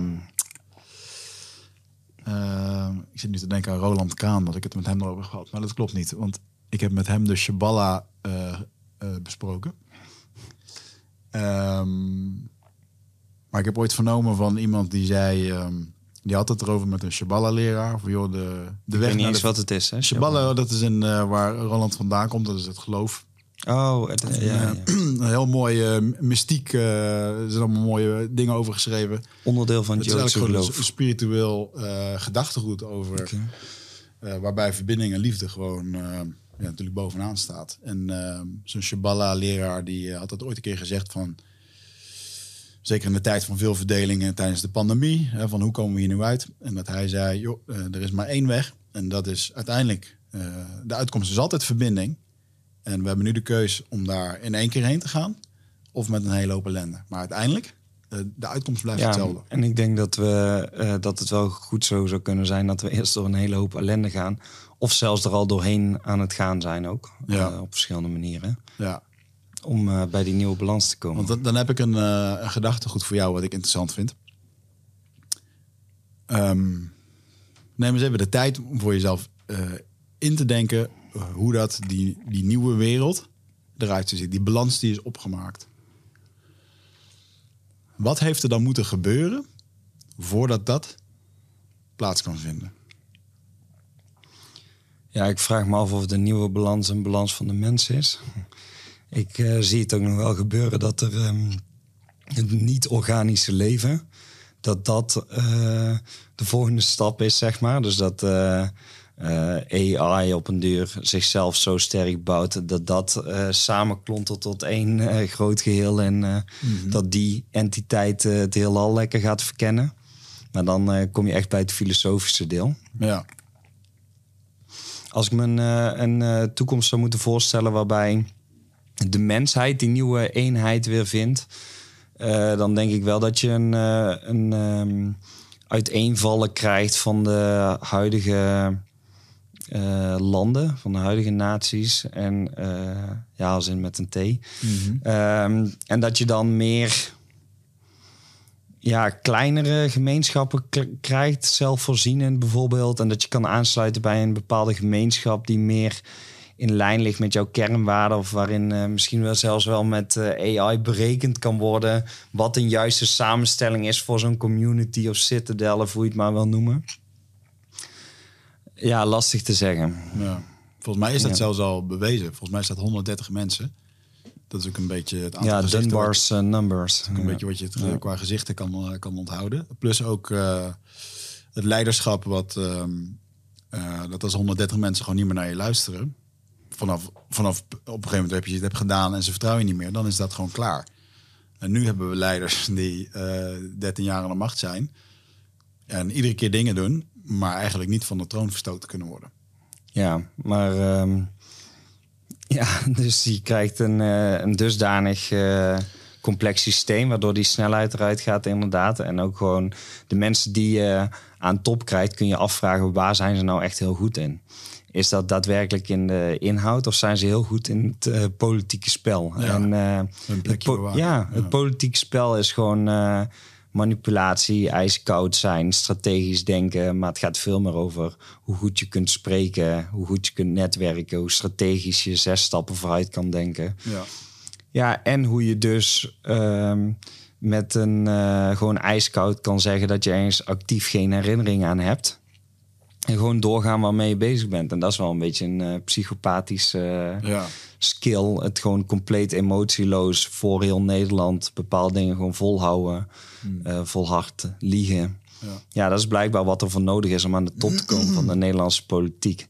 En je kunt je wel afvragen of dat de juiste graadmeter is waarmee je de leiders van je land wil bepalen. Mm, ja, nou, ik denk het niet. Maar ik denk ook wel dat er een eh, dat we vastzitten in een politiek systeem. Ik heb Th- Thierry Baudet heb ik daar wel eens over horen praten. Dat hij zei in een podcast. Ik had echt het idee dat ik de politiek kon veranderen met alle ideeën. En dat hij op een gegeven moment eigenlijk erachter kwam van ja, alles is gewoon. Je hebt gewoon bijna drie kabinetten nodig om bepaalde wetsvoorstellen te, te, te veranderen. En dus er moet eigenlijk bijna een soort van eh, echt een soort van revolutie komen. Wil je daar veranderingen maken?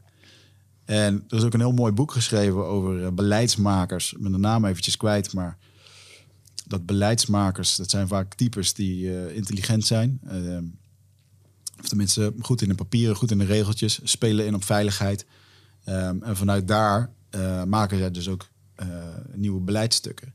Die dus alleen maar complexer, veiliger en nog meer regels worden. Waardoor je eigenlijk in een soort trechter loopt. Waar het op een gegeven moment Ja, de democratie altijd vastloopt. Ja, dat sluit ook aan bij die cyclus.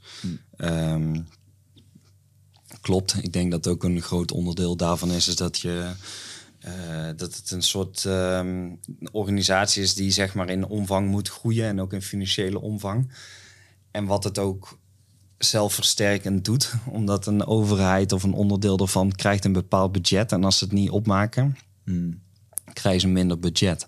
Zo doet dat onderdeel van de organisatie. Die maakt altijd het budget op of net iets meer. Waardoor je dus eh, bepaalde uitgaven of dingen krijgt dat dingen groeien die niet moeten groeien. Ja. Ja, dan ben je wel van mening dat de overheid te groot is nu? Ehm, ja, ik denk niet dat ik eh, de ultieme expert ben om eh, daar een definitieve uitspraak over te doen. Ik ben ook niet heel erg van of rechts of links. Ik denk dat de waarheid ook op politiek vlak in het midden ligt. Ik geloof wel degelijk eh, dat we afstevenen op iets van een eh, revolutie. Het liefst eh, geweldloos. Dus er moet een verandering komen. Ik weet niet wat er voor nodig is. Ehm, alleen ik geloof wel degelijk dat je en een vorm van democratie wil hebben. Dus bepaalde inspraak vanuit het volk. Nog even in het midden gelaten van wie dan hoeveel inspraak moet hebben. zodat je niet een soort bottom-feeding society krijgt. Ja. Alleen ik denk dat het antwoord ook niet vrije marktkapitalisme is. Want ik denk wel degelijk dat het goed is dat je bepaalde dingen hebt die gereguleerd worden, die gesubsidieerd worden. Dat je een eh, gezondheidsstelsel hebt ehm, waarin centraal zaken geregeld zijn. Want we kunnen veel zeggen over eh, Nederland en, daar, en over dingen klagen. Maar er zijn weinig landen in de wereld waar je eh, zo goed eh, voorzien wordt. We hebben ook als Nederlanders altijd wat te klagen. Zeker man. Dus ja, er zijn uitdagingen en we moeten ons nog steeds beseffen dat we het ook erg goed hebben. En, ehm, en dat dat wel degelijk komt door een combinatie van uh, vrij marktkapitalisme, democratie en bepaalde autocratie en uh, socialisme. Ja. Dus het, uh, ja, de wereld is super complex en de oplossing is ook niet makkelijk, anders hadden we hem al gehad. En ik denk dat juist dat wetende, dat we misschien wel meer bij die verbinding kunnen komen en daadwerkelijk gaan zoeken naar de echte oplossing. Maar ik heb hem helaas niet. Ja, ja ik denk ook wel dat het stukje verbinding dat gaat belangrijk worden. En het liefst, uh, nou ja, zet eventjes de stroom eraf uh, voor de komende vier dagen. En kijk wat er gebeurt. Dan wordt Amsterdam echt een puinhoop. En uh, ja. andere steden natuurlijk ook. Maar en dan is de oplossing niet om nog meer generatoren neer te zetten en alles nog meer nog veiliger te maken. Nee, dan is het gewoon te maken met zelfredzaamheid. En dan kom je er eigenlijk achter dat, dat alles wat we nu leren, mijn dochtertje wordt nu vijf. Ja, ik zit er echt aan te denken wat gaat deze dame uh, op school leren? Nu met de komst van de AI en zo'n school gaat dat niet bijbenen. Want als je nu, niet, als je nu niet maar gaat studeren, dan krijg je... Uh, ik vraag me af of het woord Google Ads erin voortkomt, weet je wel? Ja. Dus um, ja, wat is straks hetgene wat we echt nodig hebben om daar uh, zelfredzaam in te worden? En ik denk niet hetgene wat ons nu geleerd wordt. Ja, um, een lastige. Ik denk dat je daar wel voorspelling over kunt doen van wat dan steeds belangrijke kwaliteiten worden om uh, te overleven, maar ook gewoon een goed leven te hebben in de nieuwe wereld. En uh, ik denk dat aanpassingsvermogen nog belangrijker wordt. Meegaan in bepaalde zaken, netwerken, het sociale, hetgene wat uh, AI als laatste kan vervangen. ik vond wel een interessante wat, wat ChatGPT deed. Dat we, uh, iedereen dacht eigenlijk van hey, de mensen in de fabriek die worden het eerst vervangen dadelijk door robots. Hmm. Toen bleek opeens dat dadelijk alle copywriters gewoon uh, advocaten, uh, advocaten en dat soort zaken gewoon juist die kenniswerkers juist er misschien wel als eerste uitgaan. Van de andere kant, als we het juist inzetten, kunnen we ook heel veel van die dingen efficiënter doen. En die denkcapaciteit van die mensen is er nog steeds. Dus kunnen we dat op iets anders richten. Dus um, ja. ja. wij zeggen altijd onze favoriete conspiracy theorie is die ene waarbij alles gewoon goed komt. Mm. En daar hou ik ook wel graag aan vast. Dus uh, ik geloof dat er uitdagingen zijn. Ik, uh, maar ik durf wel ook nog steeds optimistisch te zijn dat bepaalde technologieën. Uh, ja, voor meer goed zullen zorgen dan kwaad. Niet zonder slag of stoot. Ja, en dat is maar net, uh, dan kom je bij een hele primaire uh, overtuiging. Geloof je dat uiteindelijk uh, de liefde en de verbinding het overwint? Mhm. Mm -hmm. Of dat het kwaad het gaat overwinnen? Ja, ja dat is een hele lastige. Ja, wat is dat bij jou? wel positief dus. Ja, ja, ik denk dat je ook geen andere keuze hebt. Dus dat je kan, stel dat het zo zou zijn dat. dat um, dat de wereld echt nou vergaat over 15 jaar. Waar ik ergens nog, nog best als optie zie dat over 20 jaar dat we soort, als mens wel een soort uitdaging hebben. Wat betreft AI en technologie die helemaal uit de klauwen loopt. Mm -hmm. Ja, laat mij dan die 15 of 20 jaar tot die tijd maar lekker omgaan met mensen die wel geloven dat het goed komt. Dan heb ik nog een mooie 15 of 20 jaar. Ja. Dus per definitie is het niet heel productief. Dus uh, je wil de realiteit wel zien voor wat het is. Maar mochten we daar echt op afstevenen, wil je afvragen of je dan tot die tijd niet alsnog meer hebt aan het hebben van hoop en het uh, mm. op die manier de realiteit tegen die realiteit vechten met een ja, met het uh, geloof dat er nog wel mogelijkheden zijn. Ja. Want anders stop je sowieso met proberen, denk ja. ik. Als jij de mensen om je heen bekijkt, heb je die mensen om je heen nu die daar aan het bouwen zijn? Ja, 100%. Ik heb geweldige mensen om me heen.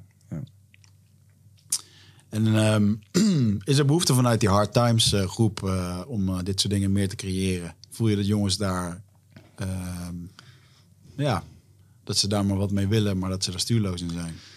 Ja, niet eens per se stuurloos. Ik denk dat als je de gasten hebt die naar Hard Times Unite Strong Man komen, per definitie, uh, die zijn al op een bepaald punt. Hè? Je zou kunnen zeggen, het feit dat zij daar staan, wil al iets zeggen. Want ze zijn niet eens koken aan het snuiven in een of ander kroegje. Nee. Um, dus ze zijn actief bezig met gelijkgestemden opzoeken. Ze zijn bezig kennis op te doen, die wereld beter te begrijpen. Ze willen zichzelf leren kennen. Mm. Dus zij zijn al heel actief bezig met uh, plannen vormen, doelen stellen en uh, hoe in te spelen op een veranderende wereld. Dus uh, ja, per definitie zijn, is vrijwel iedereen die daar is, Tenzij iemand echt per ongeluk een ticket heeft gekregen of zo. Maar is al actief bezig met wat er speelt in de wereld en is daaraan aan het bouwen. Ja. En eh, de een eh, fanatieker en meer succesvol dan de ander. Ja, en wat zijn de... eh, Voor de luisteraars die jou nog niet kennen of die hier net instappen, wat is de, wat is de basis dat je, dat je die mensen wilt meegeven? Waar begint het? Ja, dat is, dat is, dat is die drieluik. Dat is die... ken jezelf, begrijp de wereld en doe er je voordeel mee. Ja. Daar zit al een hele hoop in. Dus eh, jezelf leren kennen, daar zit in een stukje... wat is je genetisch gegeven? Wij zeggen altijd... eh, bijvoorbeeld, wij werken met het woord bezieling in plaats van zingeving. Waarom? Omdat zingeving impliceert dat jij zelf zin kunt geven... terwijl bezieling ook weer geeft voor ons... luister ook naar wat er al in je zit... of wat de wereld eh, jou misschien kan vertellen over eh, wat jou te doen staat hier. En zingeving is heel erg dat je jezelf een god maakt en eh, zelf bepaalt, hey, ik wil dit gaan doen. Ja. Ik denk dat dat ook niet de weg is. Dus ik denk het jezelf kennen zit een deel in weten wat al bij geboorte jou genetisch is gegeven of binnen jouw omstandigheden wat jou te doen staat. Dus niet alleen maar ik wil dit. Ehm, ja, daar zitten verschillende facetten van persoonlijkheid in, maar ook van eh, wat vind ik eh, belangrijk in de wereld. Op alle manieren jezelf leren kennen is ook je grenzen opzoeken. Dus eh, hoe ver kan ik gaan? Fysiek, maar ook mentaal, hoe weerbaar ben ik? Ja, ik denk dat dat belangrijke facetten zijn. Ook wat voor mensen heb ik in mijn omgeving nodig? En heb ik die ook? Ik denk dat dat belangrijk is. Ja. En daarnaast de wereld begrijpen. Dus weet ik ook, met alles wat ik zelf ben, weet ik ook eh, vermogen op te bouwen. eh, mogelijkheden te creëren. Want dat is eigenlijk waar het om gaat. Voor, voor mezelf, maar ook voor de mensen om me heen die ik lief heb. Dus eh, als de pleuris uitbreekt en Poetin begint bommen te gooien. Oké, weet ik mezelf ergens te redden. Ja. Eh, heb ik de connecties om snel in het buitenland te komen, om mensen in veiligheid te brengen. Hey, als dat dan niet meer lukt, heb ik de fysieke kracht om eh, mijn gezin uit een eh, brandend huis te tillen. Ja. Heb ik, ja, misschien kan ik niet meer bellen, maar heb ik de mensen in mijn omgeving of kan ik ze op een bepaalde manier bereiken, waarmee ik samen sterker zou staan in zo'n situatie. Ja, dat is wel een eindeloos rabbit hole om daarin te duiken.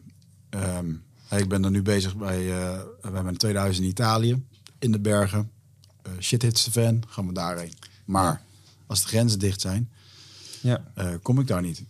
Ehm, die, die jongen die, eh, die nu vastzit, An- Andrew Tate, met al zijn miljoenen, en die juist dit heel erg predikt, hè, van je moet overal naartoe kunnen met veel paspoorten en dit soort dingen. Die zit nu in huisarrest. Ja. ja, maar dat is wel even een, eh, een uitzondering. uitzondering, ik bedoel, maar- dat is wel iemand die eh, zo'n grote bek heeft online en weet ik wat. Nee, 100 procent. Ik bedoel, en het is bizar. ehm, ik volg als een podcaster, ehm, Chris Willix. Ja, ja. Goeie Oh, podcast. fantastisch. is. Goede podcast. Maar die zei van, ik heb ooit, ik heb nu, ik heb hem een paar jaar geleden geïnterviewd met, in die pandemie. Ik heb hem, ehm, ik heb dat niet gepubliceerd, want dan ging mijn kanaal gewoon online. En die had van de week... Offline. Eh, offline, ja. Ik, en, eh, dus die heeft dat niet gedaan. en die had van de week een eh, reel gepost op YouTube... met vijf seconden Andrew erin. Waarin hij gewoon zei... Hey Chris, how are you? I'm happy to be here. Of zo. En dat werd binnen vijf seconden geflagd door YouTube. En dat hij ook echt zei van... je kunt ervan vinden wat je wil. Even los van dat alles. Het is bizar dat, dat iemand zodanig op zijn vingers wordt gekeken wat hij doet. En wij kunnen geen kinderporno uit de wereld helpen online. Maar we kunnen wel dit gewoon scannen. Ja. Ja, dat is ook een stukje wel eh, dark web of eh, niet dark web. Dus ik denk dat dat ook wel Ja, een verschilt. Alleen, eh, ehm, Maar als we er echt moeite voor zouden nou, laat, ik, laat het zo stellen. Wij kunnen, wij kunnen allemaal zeggen van... oh, wij zijn de westerse vrije wereld. Ik denk dat we daar voor een groot deel een illusie leven. Ja. Dus oh ja, wij stemmen allemaal heel leuk in Nederland. Is super. Ik ben voor een democratisch systeem deels. Ehm, ja, van de andere kant, er zit een Europese Unie boven, waar de poppetjes gewoon onderling geschoven worden. En de Europese Unie, die praten we heel nauw met een eh, World Economic Forum. En ik denk echt niet dat dat de evil bovenkamer is per se. Ik denk dat er een eh, veel complexer Ja, eh, zeker, ja. systeem is. Dus ik ben niet eh, zo eh, complotdenker daarin of zo. Alleen, ja, daar zit wel een bepaalde funding achter. En wie, wie doen die grote funding? Ja, dat zijn wel gewoon megacorporaties... die ondertussen al evenveel of meer Mhm. eh, macht hebben dan... eh, dan landen. En daarom is de Engelse term ook wel heel mooi over de nation of de corporate states. Dus zij zeggen eigenlijk, ja, je hebt eh, nation states en je hebt corporate states. Ja. En die moeten we allemaal zien voor wat het is. Want als Google iets wil, Dan gebeurt het. ja, dan heb je er echt een kwaai aan. Alleen ehm, het is nu nog zo dat je eh, wel degelijk, als je een land wil definiëren, ja, we hebben fysieke landgrenzen. Ja, alleen wat gaat er gebeuren als echt meer leven eh, anoniem en volledig online kan afspelen? Eh, en als dus ook het geweldsmonopolie van de overheid nog minder invloed heeft op het verloop van zaken. Ja. Ja. Want nu is het nog zo, ja, we kunnen de locatie van Google, zeg maar, als we macht zouden kunnen uitoefenen, die mensen allemaal gaan oppakken of zo. Maar wat als dat er niet meer is? Als we niet weten wie het zijn. Mm, En als we niet meer weten waar de fysieke locatie zit. En wie bepaalt dan dat Amerika, als, er, als die landsgrenzen vervagen, zeg maar, wie is dan Amerika om iets van Google te zeggen? Want Google zegt, nee, wij zitten, Ja. onze hoofdvestiging zit op de Filipijnen. Ja. Ja, zeker. Ja, de Filipijnen vindt het wel best als zij maar genoeg geld overmaken. En dit soort bedrijven hebben ook ja. gewoon lobbyisten rondlopen. Hè? Gewoon mensen die betaald worden om Ja. in de politiek te Ja, infiltreren. en geen eh, lichtgewichten. En eh, dat te doen. Ja, dat is een bizarre wereld. Daar hebben jullie ook een nieuwsbrief over, hè? Haha. Haha. Ja, een mail die weinig mensen begrijpen is een, eh, inderdaad een nieuwsbrief die wij doen. Net zoals alles bij ons met een eh, soort eh, minimum viable product eh, try-out eh, begint. is ook dit gestart. Een keer geroepen online van... hey, Instagram vindt niet alles wat wij zeggen even leuk. Je had het net over dat algoritme bij eh Mr. Tate. Ja, zo hebben wij dat ook gezegd van hey, we willen meer kwalitatieve longform content gaan schrijven waar wij echt gewoon nou, gemiddeld wel twee dagen dik in zitten of langer. Ehm, ja, dus wat we wekelijks gaan schrijven. ehm, als, we, als we dus eh 200 abonnees hebben, de eerste 200 mogen voor een tientje erin. En daarna gaan we een beetje de prijs opschroeven. Heel lichtjes per, eh, per 50 lezers. Ja, ondertussen hebben we eh, meer dan duizend lezers en, en groeiend. Eh, De mail kost eh 20 euro, geloof ik nu ongeveer. Hij wordt nog eh, af en toe een beetje duurder, aangezien er steeds mensen bij eh, blijven komen. Ehm, ja, en dat is iets vet. En daar kunnen wij zonder politieke of algoritme censuur... kunnen wij daar op basis van experts, op basis van onze eigen visie... de dingen delen die wij onderzoeken, weten en uiteenzetten. Ja.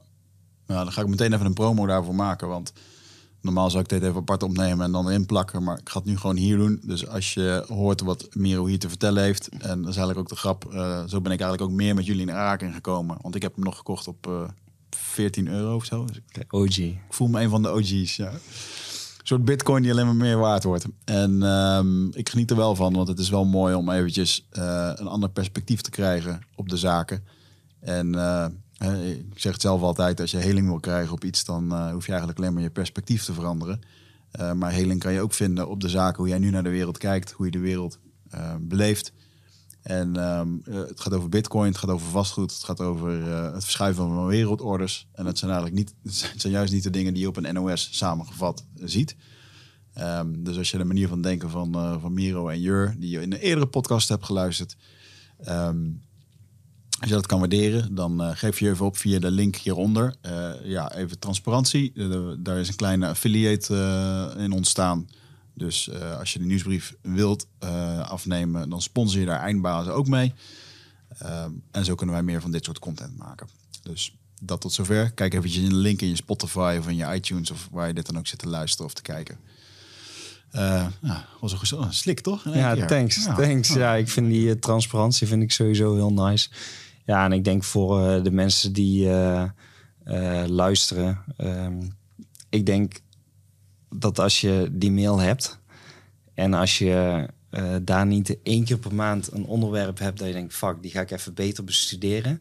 En als je dan uit de honderden takeaways niet één takeaway eruit weet te halen, waardoor jij meer geluk of simpelweg die brief terugverdient. Omdat je gewoon eh, betere inzichten hebt over je investeringen, over een stukje psychologie waar jij het laat eh, liggen in je communicatie. En dan ben je sowieso niet onze doelgroep. Dus ik eh, denk dat iedereen het no risk kan uitproberen voor, voor, tenminste, ik noem 20 euro no risk. En als ze het dan echt niet uithalen, dan zou ik en jezelf aankijken. dan nog een keer nadenken. En dan moet je voor de, daarna zelf weten wat je doet. Ja, mooi. Hey, en er komt een nieuw evenement aan. Hè? Ik weet eventjes niet of, of we deze podcast kunnen... eh, nou, dan gaan we gewoon regelen dat het 4, 4 september, 3 september... komt er een nieuw evenement aan, hè? 2 september. 2 september. Ja, dat gaat wel halen. Daar ga ik voor zorgen. Mooi. Wat gaat er gebeuren? Ja, wat gaat er gebeuren? Oh, dan moet ik. eh, Mag je programma... Mag je iets, is het helemaal geheim? ja, ik mag. het helemaal, eh, ja, het is groot deel geheim. Eh, we zitten op Hembrugtrein in Zaandam. Ja, we gaan, eh, voor, eh, we gaan ergens tussen 600 en 800 eindigen. Onze oorspronkelijke doelstellinglijn ging van 320 naar 640, maar we hebben vorige keer 400 gedraaid. Ja, Jur is dan meer van de 640. Ik ben dan meer van nee, we moeten gewoon doorpakken naar de 800. Dus eh, ik gok dat we daar eens naartoe gaan stuwen. Ehm, ja, dus eh, alleen maar eh, voor mannen. Eh, het mag nog op dit moment dat we dat zeggen. Alleen voor mannen. die worden allemaal ingedeeld in groepen met een vergelijkbaar profiel. Dus er gaat op leeftijd, ondernemersniveau, want meer dan 60% is ondernemer. Ehm, want wij doen vragenlijsten van tevoren. Je moet op een bepaalde manier voorbereid zijn. Eh, uit die groep van 125 man bestaat weer uit subgroepen van zes man. Waarmee je die eh, eh, dag doormaakt, waarmee je gaat strijden, deel competitie, je gaat dingen leren. Eh, er komen bekende sprekers. Ehm, ja, weet ik het wie jullie luisteraars kennen. Ik ga jou vragen om te komen. Hè? Jij bent erbij, hoor ik net. en eh, nee, eh, Tibor eh, zullen veel luisteraars kennen. Die komt sowieso spreken. Eh, we hebben een hoop Thijs Verlangen in de finance. Gaat hij een hoop dingen bijbrengen. Jur natuurlijk zelf. en die Been. Weet ik het. We hebben veel verschillende gasten, workshopgevers. Ze draaien steeds door in groepen. Ja, bepaalde dingen zijn ook gewoon rauw. En het thema is wel... ehm, gewoon echt last man standing. Wat een soort hint is richting eh, wel die shit hits defense scenario. Dat je daar ooit over na hebt gedacht.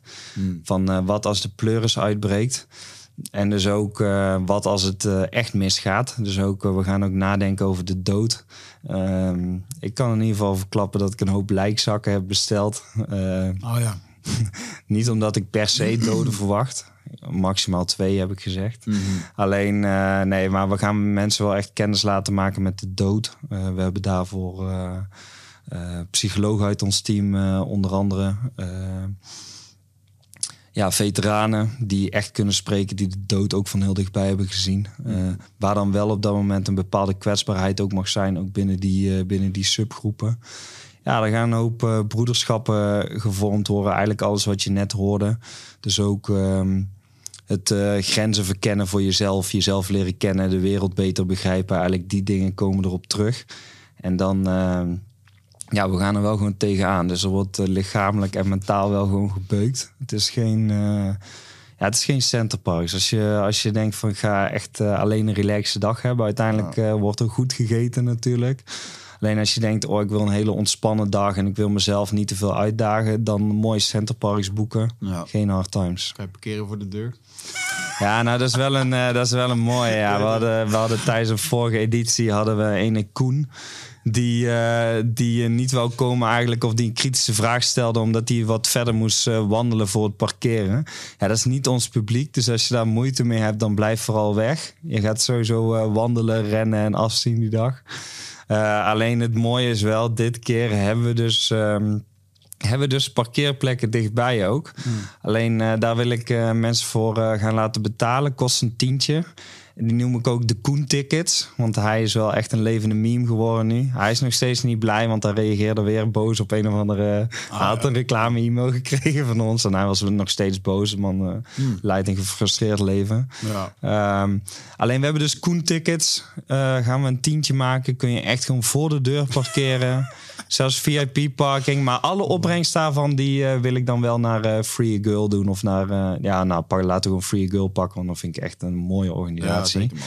Ja. Dus, ehm, ja, dus dan gaan we daarmee een mooi bijdragen aan het goede doel. Weten mensen in ieder geval dat wij er niet extra aan verdienen. Maar dat we er iets goeds mee doen. Ja. Heeft Koentje toch iets bereikt in zijn leven. Ja, zeker. Ja. Via jullie. Ja. Jullie doen veel met goede doelen, toch?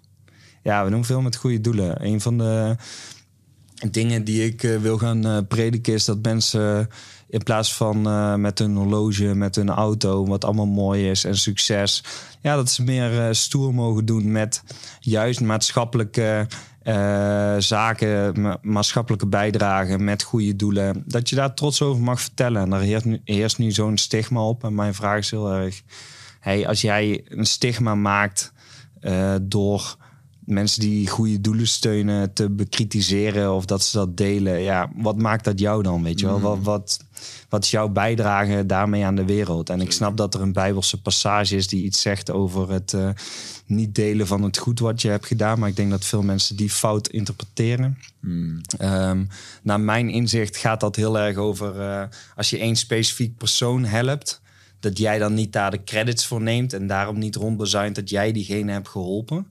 Alleen ik denk dat eh, op basis daarvan en eh, ja, I don't know why. eh, er een soort stigma is gekomen op goede doelen steunen. Dus ik vind dat mensen hashtag doe maar stoer juist moeten geven, delen trots. Doe ik ook voor mezelf. Wij doen elke maand goed doelsessies. Gaan we met eh, nieuwe ondernemers eh, spreken. Dan gaat de gehele opbrengst naar het goed doel. Vind ik iets super moois. Vertel ik daarna altijd trots wat we hebben opgehaald. We hebben een doel van 30.000 euro dit jaar om eh, richting goede doelen te doen. Ja. Nou, wij blijven met ons bedrijf maar steeds over de kop gaan. Dus ehm, dat bedrag gaat ook steeds over de kop. Dus eh, volgend jaar wil ik gewoon 60.000 euro gaan ophalen. En, Ja. ja. en zo door. En ik vind dat eh, ook iets super moois. Ook iets wat trouwens eh, versterkt is door het eh, overlijden van mijn zus. Dat ik heel erg zoiets heb van ja, geld mooi en ik heb een mooie auto. Ik woon prima. En ik dacht van tevoren al van ja, dan, dan heb ik het een beetje. Dan wil ik nog steeds meer, maar dan ben ik gewoon prima tevreden. Heel veel mensen zeiden, ja, als je dat dan hebt, dan is het nog niet genoeg en eh, dit, dat. Nou, dat is voor mij dus niet zo geweest. Ik vind het gewoon eigenlijk prima wat ik nu eh, Ja. allemaal heb, wat ik doe. Ja, ik wil het laten groeien en streven naar meer, maar ik ben eigenlijk een heel tevreden man. Ja, man. En eh, bijdragen aan de maatschappij en, ehm, en aan mensen die het echt hard nodig hebben. En in mijn geval vind ik dat kinderen nog het meest puur zijn en het minst verdienen om Ja, ja. eh, in ieder geval geen kansen te hebben. Ja. Ja, dus eh, ja, zo eh, kwamen we tot deze conclusie. ja, heel vet. Ja, terwijl je dit zit te zeggen, gaat er bij mij een lampje aan op mijn schouder van... Ik heb natuurlijk mijn stichting voor het kopen van regenwoud. Ik zou gewoon één keer in de maand een keer een coachingdag kunnen doen... dat mensen daarop af kunnen komen. En Ja. Ja, maar heel eerlijk, eigenlijk, eigenlijk als je kijkt eh, bedrijfstechnisch, ik weet niet, luisteren hoeveel ondernemers luisteren? Een groot deel ondernemers? of? Wel veel, ja. Ja, Nou, ja wel. wat ik dus echt ook gewoon iets vind waarvoor je niet hoeft te schamen. Is bijvoorbeeld bij ons zit die goede doelsessie, zit in ons product-ecosysteem, zit in het logisch verloop van onze producten die we aanbieden. Ja. Ik schaam me er ook niet voor. Zouden meer mensen het maar doen? Stel je voor dat elk bedrijf zoiets zou doen, een soort goede doel tussenproduct eh, had. En om hem dan eh, toe te lichten, is eigenlijk laat je laat je het, ehm, of het goed is of niet even in het midden. Want eh, stel iemand is niet tevreden met jouw product, dan is er tenminste nog ergens eh, bij het Ronald McDonald's huis of bij Free Girl is er een kinderleven wat daar beter van wordt. en, en dus dan heeft eigenlijk niemand iets te verliezen. En, en je geeft ook een bepaalde boodschap daarmee af van wat voor vertrouwen je daarin hebt dat jij een, een eh, redelijk volledig product aanbiedt, terwijl je er zelf niks aan verdient. Ja, en ook voor jouw geld. Als kooi is allemaal niet, heb je op zijn minst iets moois voor de wereld gedaan. ja, zeker man. En, en ook het stukje, zelfs het stukje eh mooie voor je imago. Dat mensen zien hey, dat jij een goed hart hebt.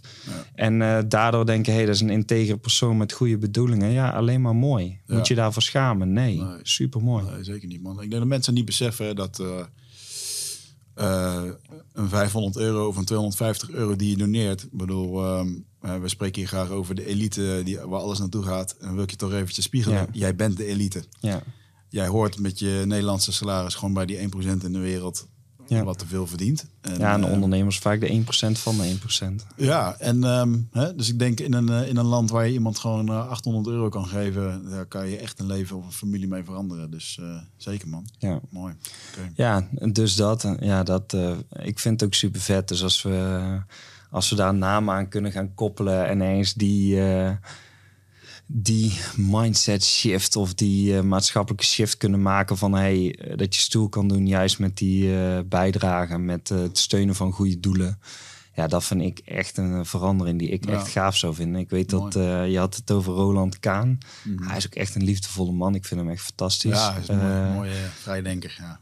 ja, ja, ik vind hem echt. we hadden met hem dus gesproken, ook aan de hand van een donatie aan, aan zijn eh, fonds. eh, door heel veel boeken te kopen.